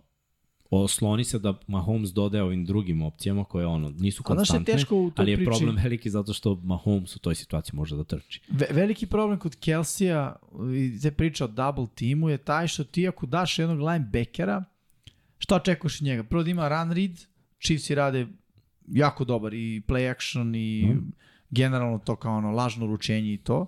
Pritom Kelsey trči dosta crossing ruta. Ako je linebacker inside, tako je, prvo čita run, a Kelsey je već uspeo se zavuče unutra, on je izgubio inside leverage, ovaj safety što duboko ne može stigne, ti si izgubio u double team igri. Pa zato bi stavio ma- man coverage Hiltona koji ima pomoć. Jer Hilton radi dobar posao kao nickel corner. I ono, fizikalan je prilično. Može ga bumpuje svaki put. Mislim, da proba da ga bumpuje. U zavisnosti u kojoj formaciji dalje na liniji ili nije. Može da mu oteža život. Ne, niko ne može da uspori Kelsija, da se ne lažemo. Tu niko neće uraditi sad kao Kelsey će da ima, ali 50 yardi da ima Kelsey da ne uhvati touchdown na ovoj utakmici, mislim, ja razmišljam da je to uspeh. Da. Zar ne? Onda neko drugi mora da da touchdown, onda trčanje Chiefsa mora da proradi, a opet Bengals imaju solidnu defanzivnu liniju. Može to trčanje da se limitira na ono, za njih idealno 3-4 yarde po nošenju. Jer, znaš šta, Bijenimi neće odoleti ako bude treći za 3 da doda. Da. Nisu oni ekipa koja će, ok, sad ćemo još jednom da im istrčimo i novi prvi dan. Nego će bude, ajmo, homi, repetira i pucaj ga. Jest. I tu je šansa. I naravno, pritisak, neki rizik Mahomesa, osvojene lopte, imaju i Bengalsi u posljednjim utakmicama, krenuli su malo da, da, da kupe sumnje, male su šanse. Mislim da su Chiefsi mnogo kompletniji. Ali Slažem se. ofanzivno, online, defanzivno, samo nemoj Chiefsi da daju 30, jer 30 teško da će A dati. mislim da će recimo isto narativ biti drugačiji u smislu da prošle nedelje protiv Ramsa Chiefs su igrali koliko je bilo potrebno.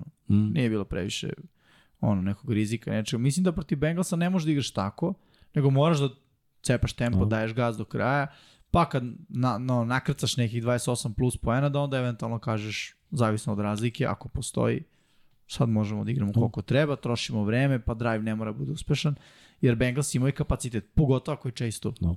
Ovo je vrhunska tekma. 22-25. Da. Sport klub 1. Zaslužen. Znači, ono, vrhunski termin, kogod kako da radi, može da pogleda Mislim da ovo. radimo je, da, ja i da, da. Jacek, da. Ovo je repriza finala AFC-a. Bolje od ovog nije moglo.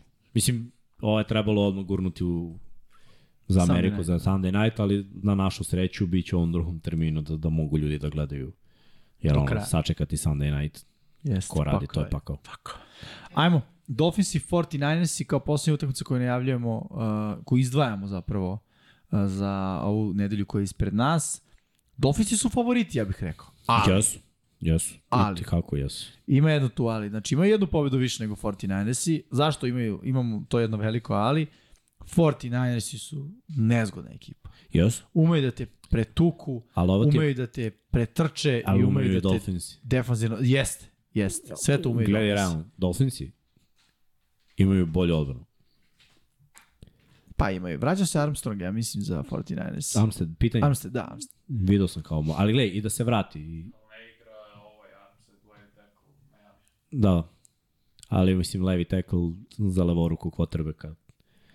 Jeste, ono, izgubio si igrača, ali ne mora, ne mora mnogo, mnogo da znači. Zašto mislim da ne mora mnogo da znači? Jer ćemo gledati ono, borbu skillova. Mm -hmm. Ovo, ovo je neka moja zamisla. Borba skillova. Ovo je 22.05. 49ersi, Debo Samuel, run after catch, sjajan playmaker, Brandon Ayuk, George Kittle, Jušček, Christian McCaffrey. Ovamo, ako pogledamo Dolphinse, baš su doveli Jeffa Wilsona iz 49ers. On se uklapa, imaju isti, istu šemu trčanja. I ono, ti možeš da znaš kako trče obe ove ekipe, ne možeš da zaustaviš. Ako oni odrade svoj posao. I, i stvarno dobro igraju. Sve će se svesti na dva prosječna quarterbacka. Ko brže može da stavi loptu u ruke playmakerima i ko je od ovih playmakera za Dolphins s druge strane? Tyreek Hill, Jalen Waddle, Mike Gesicki i ajde da kažemo kogod bude ta opcija broj 4, a imaju ih nekoliko. Pa čak i Mostard može, može da pravi razliku koji je isto bio u San Francisco. Tako da ono, manje više, ja, ja, ja mislim da, da, da će biti za- zanimljiva ofanzivna utakmica. Iako i jedni i drugi imaju dobre defanzive, a Miami ima mnogo bolji sekundari. Mislim, oni su sada ponizili Houston i onda su se opustili, pustili, bukvalno su pustili 15 poena. Ali Dolphinsi su dobili Billse koji imaju mnogo eksplozivniji napad od San Francisco, zato što je ta odbrana na kraju odradila posao. Dobili su Ravens, zadržali su ih u četvrtoj četvrtini, iako su pustili dosta poena pre toga.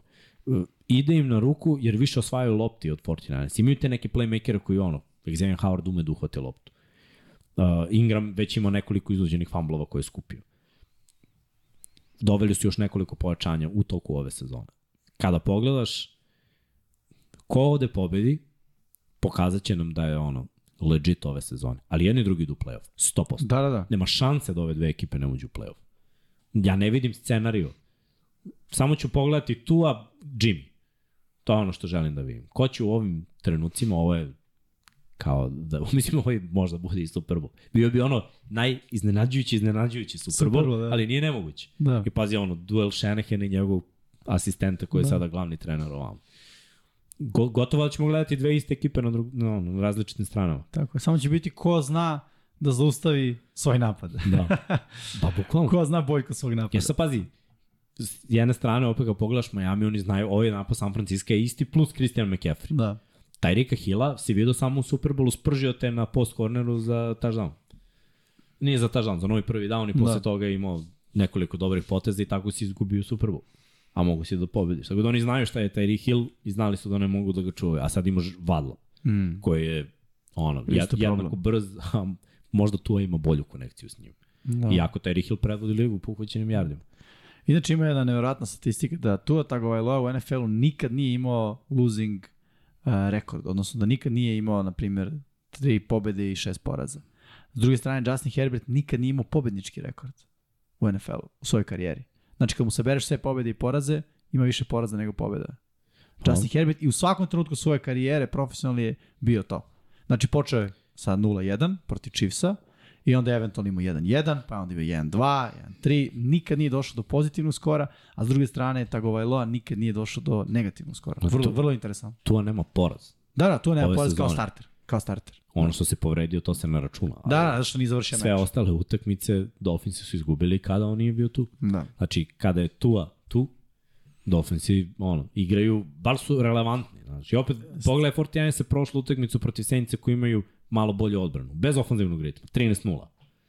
Nije to bilo toliko ubedljivo. Iako su izdominirali u Mexico City i u Arizonu. Da. Što znači da, da ovo može da bude i tesan meč, može da bude i ofanzivna eksplozija ono, na sve strane. Zanimljivo je. Baš, baš su vrhunske dve utakmice u tom drugom terminu. I, i mo, mogle da se izdvoji i da bude i u prvom. Da, to, to baš jedva, jedva Ali čekam dobro, da da se igra u, San Francisco, zapadna obala, Pa da, obično jedan- se stavlja da se 1:05. igra u drugom terminu. Ok, mislim da smo sada uh, prošli sve utakmice koje smo mi uh, izdvojili kao utakmice sa posebnom pažnjom koje ćemo pratiti u uh, 13. nadamo se ne baksuznom kolu. A sada prođemo i kroz ostale utakmice, odnosno da čekiramo šta, šta, koje su svi, koji su to sve meče koje ćemo gledati u 13. nedelji. Jedan je već odigran, Buffalo Bills je protiv England Patriota, bilo je na sport klubu 1, e, noć između četvrtka i petka u 2 i 15. Pobedili su Buffalo Bills i to smo već konstatovali. Steelers protiv Falconsa nedelja od 19 časova. Zanimljiv meč. Da, pa gledaj, Steelers je opet njima je u interesu da dobijaju utakmice da bi se pokazalo ofanzivna uigranost, promene, piket koji sazreva, igra trčanjem koja je sve bolja, ofanzivna linija uigranija. Defanzivno je to okej, u principu čitava Da. da. sezona kad napad ne funkcioniše. Kad je tu od- TJ Watt? Da, kad je odbrana samo na terenu, ono, Da. da. probleme. Falcons je prvo mesto u diviziji. Jure. Tako da, da odno, važna je utakmica, jednima i drugima. Znaš, Steelersi se nikad ne predaju. Oni će igrati da Tomlin ima pozitivan skor. Tako je. Tako je. Uh, biće to zanimljiv meč, realno. Da. Jedan od onih ispod radara, ali mogu da budu... Mislim, biće neizvesni, siguran sam sad oko atraktivnosti i broja postignutih poena, eh, čupavo, ali okej. Okay. naredni meč je Packersi protiv Bersa u istom terminu, nedelja od 19 časova, biće direktan prenos na novoj uh, sport.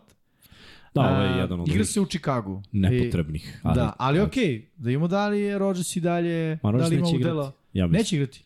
Pa ja mislim da neće. Za sada je trening ka tome da oni nemaju zašto da uh, Ja se slažem. oblik, rebra, prst, 4-8.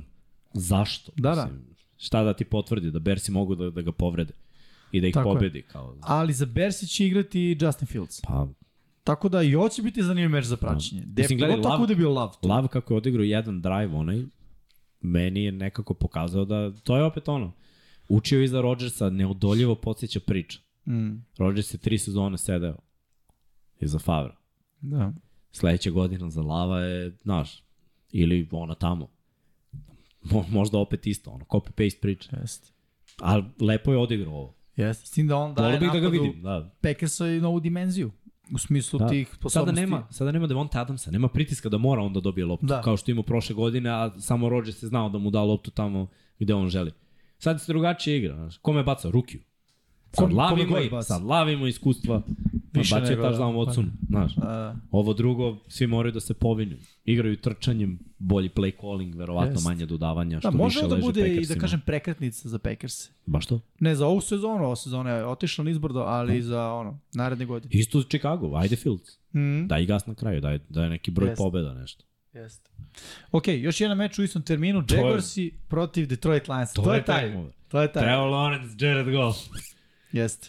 Bi- Biće, biće zanimljivo. Biće i ovo zanimljivo. Dve mačke divlje. Jeste. Dve divlje mačke i dve ekipe koje mogu da uh, ono, igraju do samog kraja i Da. dve ekipe koje ne odustaju. No. I možda se desi da bude veliki broj poena. Mislim, Jest. Nije nemoguće. Znaju jedni i drugi da igraju takve Tako utakmice. Ono, preko 50.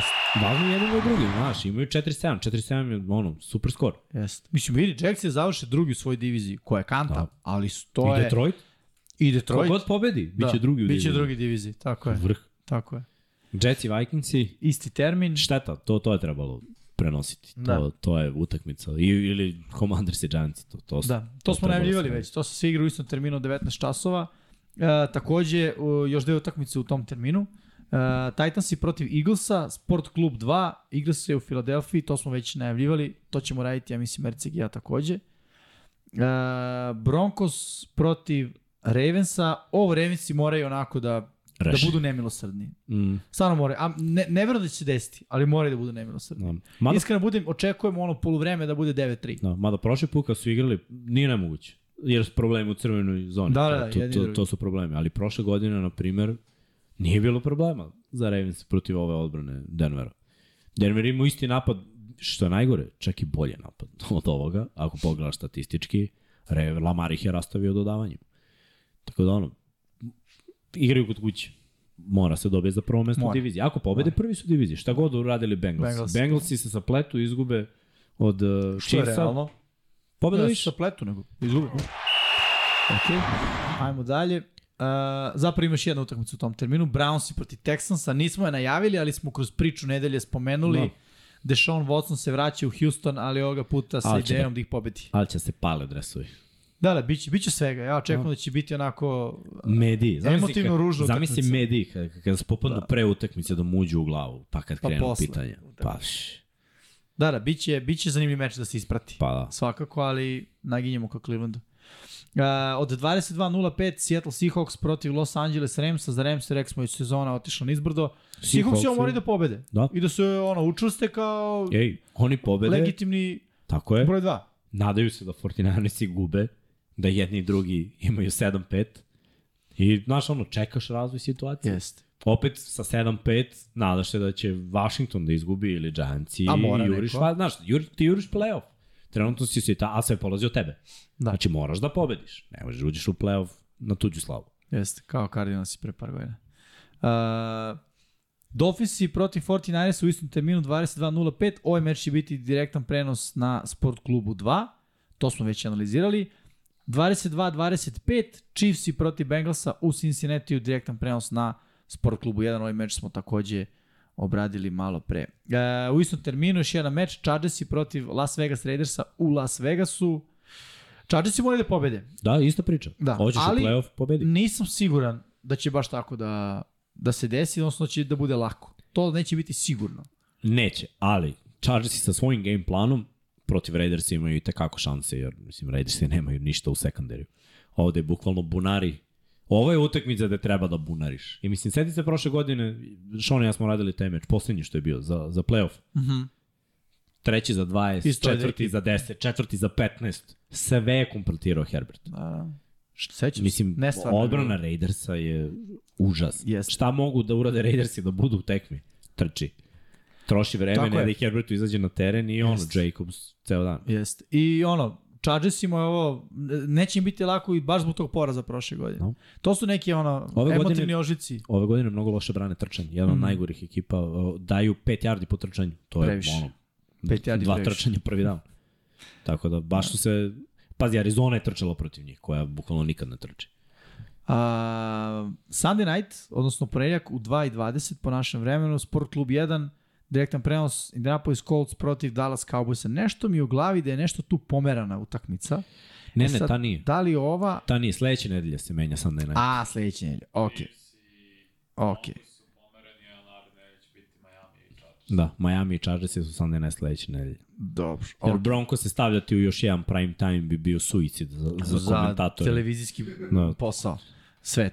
A, I uh, Monday night, čime završavamo 13. kolo, meč u, koji se igra utorak u 2.15 po našem vremenu ujutru, Sport klub 1, direktan prenos Saintsi protiv Buccaneers. Ono, a, stava mi je mozak opet. Uh, Evans protiv Latimora, Brady, s druge strane. Ja nisam Drew siguran da Breesa. Latimore igra. Mislim da, da ni, trenirao je, ali ne znam da li Da. će igrati na ovoj utakmici. Pa ja mislim da moraju da ga stave. da Dobili igra su ih, pazi, dobili su ih jednak. Šta, šta, šta je ovo gotivno? Saintsi dobiju, vraćaju se potpuno u trku. Vraća se. Atlanta se meša. Ne, ne, počinje potpuni haos na jugu. Da. I tu se ništa ne zna. Ali ako Baxi dobiju, Lagano očistili su korak, Saints. Znaš, da. I onda mogu da očiste oni od ovih pobjeda bednih koji imaju, mogu da, da ono, malte ne, Jeste. u ovom delu sezone očiste diviziju, što Tako im je. najvažnije. Na baju su Arizona Cardinals i Carolina Panthers i oni ove nedelje odmaraju. Ajmo sad da idemo na naše prognoze za nedelju broj 13. Buffalo protiv New Englanda, svi smo birali Buffalo, ako se ne varam. Ne vidim Don, uh, Don Pablo uh, izbor, da. Uh, tu smo za sada već svi pogodili. A Miksa možda je bolje da ti preuzmeš. Aha, vidim sad ovo sledeći. Pittsburgh protiv Atlante. U Atlantu veruju Miksa, Srki Veliki i, I Pablo. Dom Pablo. Dokle Vanja, uh, Erceg i ja verujemo u Pittsburgh. Znaš šta, mislim da će Pittsburgh da dobije, ali Atlanta igra kod kuće i može da se desi da, da ono, nekim čudom. A igraju sve utakmice tako blizu. Da, Zanimljivo. Jedni i drugim, znaš šta, igrao sam na njih samo zato što njima treba za playoff. I to je ono, sad ili nikad za prvo mesto u diviziji. Tako sad, je. Sada i gas. Može i ovo da bude prelomno za njih. Green Bay protiv Chicaga, svi verujemo u Green Bay, pa makar ih vodio i Jordan Love protiv uh, Justin Fieldsa i Bersa. Jackson protiv Detroita, zanimljivo. Svi biramo Detroit. Mislim, moram priznati, moja logika je bila, Detroit više utakmica ima na jedan posed ove e, godine. meni je bilo ono run game. Biće dominacija trčanje, znaju Jaxi da brane trčanje, bolji su nego što su pre bili, ali mislim da ovaj uh, Jamal Williams pre svih ono momak stvarno igra ima igra sezonu života. Igra. I mislim da, da će to nastaviti u dobrom smeru za Detroit. Deluje mi kao u ovom trenutku kompaktnija ekipa. Aha, igraju kod kuće isto. Da. Uh, Jetsi protiv Minnesota Vikingsa. Minnesota biramo Vanja, Miksa, ja I Pablo. i Pablo, dokle dva srđana idu uz zelenu bandu, odnosno New York uh, Jetse. Uh, Washington protiv Giantsa, u Giantse veruju Erceg i Dom Pablo, mi svi ostali kažemo Washington. Uh, Tennessee Fila, svi kažemo Fila, jel? Da, Denver, Baltimore, svi Baltimore. Svi Baltimore, da. Ova fila može da bude čupava. Cleveland, Houston, svi kažemo Cleveland. Je li to čupao? Pa ne bi trebalo da bude čupava. Pa- Ali ok, što kaže, bit će svega na tribinama. Seattle protiv Los Angeles Ramsa, ok, neko i dalje veruje, veruje u Ramse. To su dva srđana, romantičari. Veruju u Perkinsa Mm. i u neku Seattle. protiv Seattle. Srđanova reakcija bila, eh, u smislu nisam to mislio. Miami protiv San Francisco, u Miami verujemo a, Veliki Srki, Miksa, ja, Pablo, veruje, ne veruje, ne vidim. Pablo veruje u Miami, da. Samo Pa, San da. Francisco, Srki i Vanja. Srki i Vanja, da. Gledaj, baš je 50-50. Tamo, tamo ću da odigram ovo drugo. Ja samo nemam predstavu. Ba, baš, to, Jeste. to su dve ekipe koje ono, ove godine su pokazale pa da kažeš ono, i dobro i loše. Trenutno su na dobrom putu, jedni i drugi. Isti game plan. Da, kao da je, samo, Samo su drugi što- igrači. Jeste, ali... I drugi quarterback. I prednost na strani Miami što tiče quarterbacka, ja Pa, rekao. i mi, ono, odbrana secondary, Jeste, tu je ono mala prednost. jeste. I kikeri mogu isto da reše utakmicu Mogu. ako bude ono na Mogu. mali broj poena. Da. Ok, Kansas City protiv Cincinnati-a. U Cincinnati Pablo. samo Pablo veruje u Bengals. Mi svi Pa, ostali brate. kažemo Chiefs Chiefs. je baš ured. Dok Da, ne da. vidim da, da su poraženi, ne sumnjam u njih. Stvarno imaju niz. Šta su izgubili posljednji od Billsa?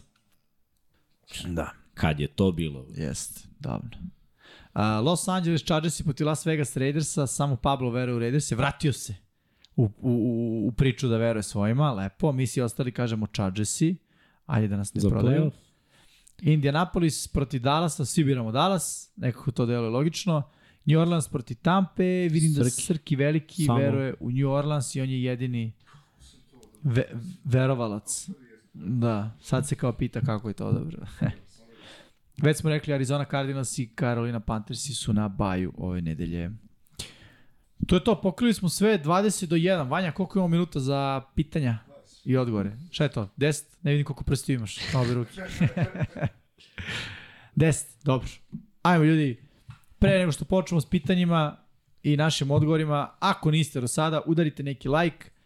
Možda to vama ne znači puno, ali nama znači jer zavrti algoritam i na taj način onako uh, dobijemo malo veću vidljivost. Naravno, ukoliko vam se uh, dopada i ukoliko želite da nas podržite i onako konkretnije što se kaže, imate mogućnost da postanete naši svetioničari, da bacite donaciju, otakovanja, da takođe nas podržite na Patreonu a, i eto, ono, rastemo, što se kaže. Ima ta izložba, rekli smo, ulaza je besplatna, tako Vanja? U galeriji a, Rosijeve trke, odnosno možete ispratiti kroz a, objektiv a, fotoaparata, jel te Rosijevu onako karijeru, Vanja je prenao fenomenalne utiske sa toga, tako da sutra možete doći između 10 i 11 i da upoznate Meta Oxleya i još nekoga. Henka Kulemansa. Izvinjam se ljudima koji prate MotoGP, što ne znam ko su ovi ljudi. To je za Meta Oxleya i znam, ali za drugog gospodina ne znam, ali mogu da dođem i da ga upoznam.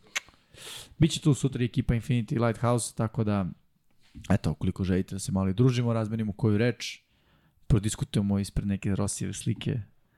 Vidimo se sutra. Pitanja? Goran Mladenović kaže poštovanje, da li postoji mogućnost da se New England u narednim godinama vrati na puteve slave i šta po vašem mišljenju treba da promene, to jest poboljšaju? Pa, ajde krenemo ovako, play calling. Playmakera ima. Koliko oni ne znaju da im daju da. loptu. Znači, Devonte Parker na nekoliko utakmica imao preko 100 yardi, dolazi u situacije isključivo jedna, ono, dve, tri rute i on sposoban da trče sve rute, stvarno je dobar hvatač. Kendrick Bourne, Agolor, zaboravljeni. Taj tendovi, neiskorišćeni mm. u nekom play actionu. Tako je, plaćeni i neiskorišćeni. Uh, imaš ti neke opcije, nisu to sad neke vrhunske opcije, ali, mo, znaš, ja samo ovako kažem, daj da ove hvatače Mahomesu i imaćeš ono dvojicu, trojicu s hiljada yardi. Sigurno. Si, ono, ili tu negde blizu. Je, jer će on znati da iskoristi. I ono, daveće touchdownove. Prošle godine su bili efikasniji, Henry prošle godine postizao touchdownove, nema ga ove godine. Da. Uh, Parker je iskočio na nekoliko utakmica, Myers je iskočio na nekoliko utakmica, Stevenson trči s pola gas. Da. On se vuče.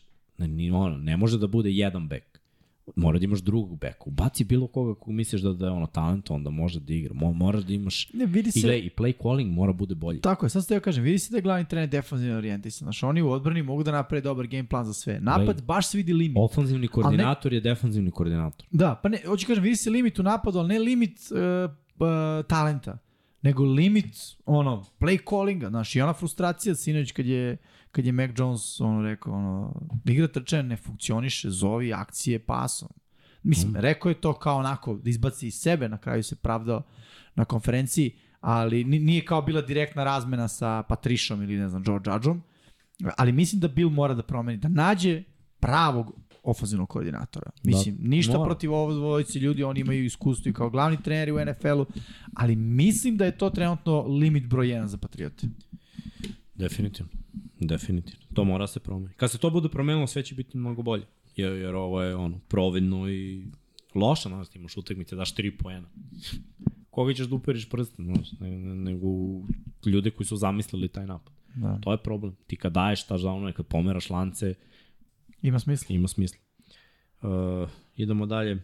Da li ste spomenuli da je Aaron Donald prvi put propušta meč? Kako ima sezon? Nismo spomenuli, ali mislim ne osvrćemo se preterano na Remse trenutno su nebitna ekipa. Mislim, ono, zvaniće šampioni koji će imati možda šest pobjeda ove sezone. Tako mi delo. Uf, možda i to mnogo. Pa da. Ja sa Perkinsom i sa. Da. ono, celo, Njima je pametno Cijel da... hvatački korpus je ono, svi igrač. respektabilni starteri treba da iskuliraju da. sezonu do kraja, da se odmore, oporave, uđu zdravi u trening kamp, odrade sad odmah operacije koje trebaju da odrade, ako je ono neki minimalni zahvat i da se vrate već na proleće mm. u trening mod i odmah da učestvuju na tim mining kampovima, pa poslije na trening kampovima. Ono, sledeća sezona, to je to, plaćenička ekipa. Veterani da odmore skroz. Donald, Wagner, znači svi igrači za koje misliš da ono, Mogu da su budu... u nekim poznijim godinama da im treba odmori ih. Da. Ne, nema potrebe da igraju ovo. Zašto igraš? Za pet pobjeda u sezoni? Da, mislim. Ne, nema, nema pojenta. Da taman testiraj dubinu, ono, znaš. Tako je, šta imaš od ovih igrača? Predsezona. Znači... Vidi, ne samo šta imaš, nego daj im stavi ih u situaciju da sledeće godine kad se neko povredi, on može da uskoči da igra, da ima to iskustvo, a ne da bude practice hero. Šest kola predsezone je ostalo za Rams, da. po mom razmišljenju. Mm. Tako bi igrao. I nađi kršteno trkača, ono. Mislim, da. Znaš. Da. Forsiraj trčanje, sad, igre sad forsiraj, tako je. Cepaj, brate. Idemo, koliko može Dallas protiv Tampa Bay u play-offu, jer je to vrlo mogući meč, ko Jest. komentariše koji meč ako već znate raspored. Pa rekli smo za ovo, mislim, Sad ću ja bacim pogled. Uh, ja znam za Sunday night i Miami, ti i RC gradite Chiefse i Bengalse i rekao si Tennessee Fila. Da, ja mislim, samo da potvrdim, evo, daj mi sekundu. Da, verovatno Vesić i Gaćaša rade Chicago Green Bay. Da, vrlo moguće. Evo sad ću reći odmah ovako. Znači, Philadelphia, Tennessee, da, Erceg i ja, Chicago, Green Bay, Vesić i Uzelac. Uzelo. Uh, dalje, Dallas, Minnesota radi... A, a, a ne, izvinjam se. Ne, ovo je Pa ne, to je to. San Francisco protiv Majamija u 22.05 ti i Šone, Cincinnati, Kansas City, Erceg i ja i na kraju Dallas, Indianapolis, ti i Šone kao, kao Sunday Night Football i naravno Monday Night Football isto baš. Da li je Ven završio s NFL karijerom što se tiče pozicije startnog quarterbacka? Pita Čelik Zenica. Pa ni, Ja mislim da nije, on još imaće on se još. Da, Da, da biće to, to dve, tri godine. priča s mnogim quarterbackovima kad si visoko draftovan, opet dobije šanse i šanse. Nekad i agenti dosta znače da, da, Yes. da pa se ono, to ja desi. u najboljem slučaju Andy Dalton scenariju. Znaš, Pa da, od godine do ma godine. naći će, znaš, i da krene negde kao backup. Mislim. Ja vidim da on sledeće godine napušta sredinu. Nema on šta više u Commandersima. Pa, Moje mišljenje. Nije, nije, nije mi sigurno to, znaš, nemam predstavu, stvarno. Ne znam ni šta su oni, a ne znam ni šta je on. Da, Još i vlasnik i sve, moguće, ali ne mora da znači. da, da. No, mišljenje o Dallasu i gde će OBJ, pa vrlo verovatno u, u te Dallas. velike sredine. Znači, ono, Dallas Mada ide u playoff, trebalo da je, bi. a- Billsi ga jure, ima zakazane, mislim, bio je juče valjda u Njujorku, Da, Dable je. Tako da ono, to je isto priča, Dable ga verovatno želi Da, da. preko potrebanje Giantsima, to je velika sredina, New York, sredina koja mu je poznata, pa Dallas opet, američki tim, velika medijska sredina, dosta materijala za kintu, Buffalo Bills i verovatno playoff, potpiše ugovor na ono, godinu, dve, takođe ono, dobra opcija za njega i čitao sam negde da su opcija ono, i Chiefs i Ravens, s tim što mislim da sastanke nije zakazao. Ma ja mislim da on čeka, da vidi komu delo najbliži Super Bowlu, realno. Mislim. Pa onda će izabrati Billse, ali ajde pričamo o Dallasu. Ako ga izaberu Cowboysi, dobijaju tri hvatača, što im je preko potrebno, i onda Noah Brown možda bude četvrti, sa Šulcom koji je hvatačka opcija broj 5 i iz backfielda Pollardom koji dobro hvata, imaju jedan, dva tandem running backova, ofenzivna linija je pokazala da Tyron Smith treba da se traduje za pikove i da ide dalje, jer ga je ovaj mali u potpunosti zamenio, odradio dobar posao. Dallas ima veliku manu u odbrani protiv trčanja. Prva ozbiljna ekipa koja naleti, a trkački orijentisana, oni to mogu da izgube. Green Bay ako, na primjer, igraju, ako, na, ako na primjer igraju protiv uh, Tampe, to može da bude taj, taj prvi meč, da kažem. Da, da. Ali To im je dobar mečap, realno. to im je matchup, da. Tampa, Tampa tu ne trči, neće trčati, ali eto, forsirat će. igrali su prvu utakmicu. I Tampa nije mogla da da touchdown, ali Tampa je pomerala lance dodavanjima protiv njih. Da. Uspevali su. Jer Tampa ima dobre hvatače, a Dallas nema baš vrhunski sekundari. Ima ono, Trevona Diggsa i Wilson se Ali tu vidi, pojavi s vremena na sekundari koji može da zatvori opcije, znaš. Justina Jeffersona su zatvorili. Skroz. Tampa je zatvorila Dallas. Dve, ono, Jeste, Dovoljno ali za da, mislim da Tampa je baš ono loose cannon u smislu. pa jeste. Znaš, I nemaš gledaj, pojma okej, šta će Na bude. primjer, dobiju to. I idemo dalje. A šta dobiju? Atlantu? Pošto Atlanta bude prva Pa, te ono, divizije. ja verujem da Dallas prolazi ako igra protiv Juga. Bolji su tim, realno. Jesu, ja mislim. I onda dođemo do druge utakmice I gde da se gledaju staje. sidovi. Gde se gledaju sidovi. Tu nemam predstavu šta može da im naleti, Da. ali naletit će im ne, nešto od boljih. Mislim, znaš šta, može da im, može da im Pa i naleti... ne mora da im naleti bolje. Ako su oni peti seed, a prvi odmara, znači Fila bi recimo u tom slučaju bila preskočena, Minnesota bi bila preskočena ako bi pobedili u play-offu, jer bi bili drugi seed, znači njih bi čekao šampion, očistili su vamo 49ers. Tampu, 49 koji Pregazili mogu bi da ih unište. Kao i prošle godine u play Da. To im, to im ne leži. znaš. Da. Oni bi tu morali da budu onda niži seed da dolaze, ili tako? Da. Da sad ne mora da znači. Ma, gledaj, to su Da. za kalkulacije. Mogli bi i, i komandersi da dođu. Gledaj, teoriji, ako ekipa bi... koja trči, ekipa koja trči, im nikako ne leži. Da. I videlo se prošle godine. Odbrana 49 i njihovo trčanje, njihov game plan, znaš, oni mogu screen da odrade i Da. Dallas se neće snaći na to. Neutralisat ćeš pass rush tim game planom. Tako da ono, Dallas ima mana. Po meni najveća mana to trčanje. Kad igraš ono na dodavanju što je Minnesota probala, Neće to proći, Neće imaju da. dobar raš, imaju odličan Da. raš, nema šanse. Ali ovako, može to da, da se reši. Vanja, koliko ima vremena? Kao, minus dva minuta. Tri minuta, okej. Ajmo za tri minuta da ispucamo još neka pitanja. E pa, i nema ih mnogo. Okej, Šansa 49ersa u potencijalnom NFC championship sa Eaglesima. dobro, Ima šanse. Dobro. Protiv bilo utakmica. koga. I protiv Minnesota Da. imaju šanse. 49ersi su dobro vođena kompletna Jesu, ekipa. Mislim, mogu da dobiju svakoga, mogu da izgube od nekih ekipa. Ajde da setimo kako su ih Ramsi pobedili. Na Jedan, dva poslednji, Dva ono, poslednji play, mislim, poslednji pa, drive. Tako su ih zaustavili ofanzivno, ali mogli su 49ersi da imaju bolju poziciju ofanzivno da je Tart uhvatio loptu. O da. Znaš, balon Hoću kažem, male su stvari, terena. male su stvari koje su napravile razliku tu. Jesu. Nisu oni ekipa koja kao će da čoukuje u finalu. Nisu oni čoukovali, realno. Mislim, Da. Jimmy G je bio najveći limit, ali to negde znamo i opet i... Pazi, trčanje im nije funkcionisalo kao prethodnih godina, jer su imali dosta povreda u backfieldu. I onda su se kao sklopili, Dibo je igrao dosta kao running back. Da, da. I pokušavali su nekako da, da pronađu. S McCaffrey im je drugačije. McCaffrey mnogo bolje katuje na zonsku šemu blokiranja. Mm. I iz te zonske šeme blokiranja mnogo bolje radi play action. Da. Da. Jer ofenzivna linija ostaje Logično. zapravo na liniji. Mislim, i, I tu se Shanahanov game plan nekako proširuje. Sa hvatačima koji su sve bolji i bolji. Pritom ono, nakon njegovog rollouta na kontra stranu i dalje ostaje opcija screen za running back koji ostaje na toj strani. I znaš ono, mnogo moraš ti da razmišljaš sad ono, je li ovo, je li ovo, je li, ovo, a sve si vidio te sezone. Da, da. Plus i pre snapa si već u fazonu šta rade sad. Mm. I ono, koja je ova formacija na kraju. Opasni su 49ersi. I, I to bi bio vrhunski meč. Mislim da bi to bio najbolji meč finala NFC-a ako gledamo dve ekipe koje su fizikalno jake, dve ekipe koje imaju dobro trčanje i solidan pas sa playmakerima koji mogu da naprave neku razliku. Da. Mislim da bi Minnesota bila podređenija Filadelfiji u, u tom duelu. Pa čak i San Francisco možda, ako oni nekako budu završili u finalu, protiv koga god. Tako da ono, sve je moguće. Mi naravno ne Jest. znamo ko će biti prvak, ne Da, znam, da, mi, da, mi sad znam. lupamo ovde eventualne jest. match-upove, ali Jest. San Francisco, Filadelfija je Jest. super meč Jest. koji može da se desi. Uh, dobro, to je to. Ja, ja bih ovde podvukao. Crto, vi slobodno pišite pit, ono, pitanja, mi ćemo odgovarati, sve odgovaramo stalno kada se piše na kanalu, na kraju podcasta. Još jednom hvala što ste sve ovo ispratili, da završimo, da, da možemo i da promenimo scenografiju za, za, za Luku i Kuzmu, da, koji dolaze u ove sitne sate.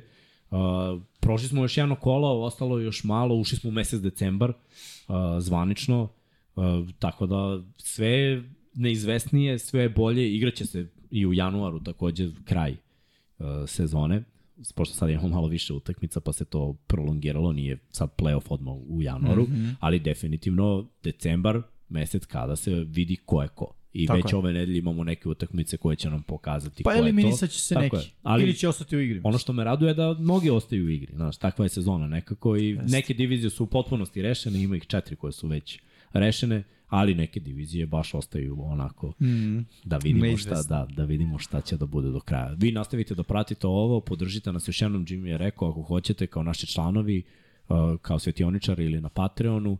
Takođe, ako želite da pazarite naše stvari, imate na šopu, možete da dođete i u ove naše odaje u Svetogorskoj, možete da nađete naravno adresu, ni to nije problem, a sva pitanja koje imate još jednom da ponovim, slobodno pišite, mi ćemo odgovarati i do sledećeg petka.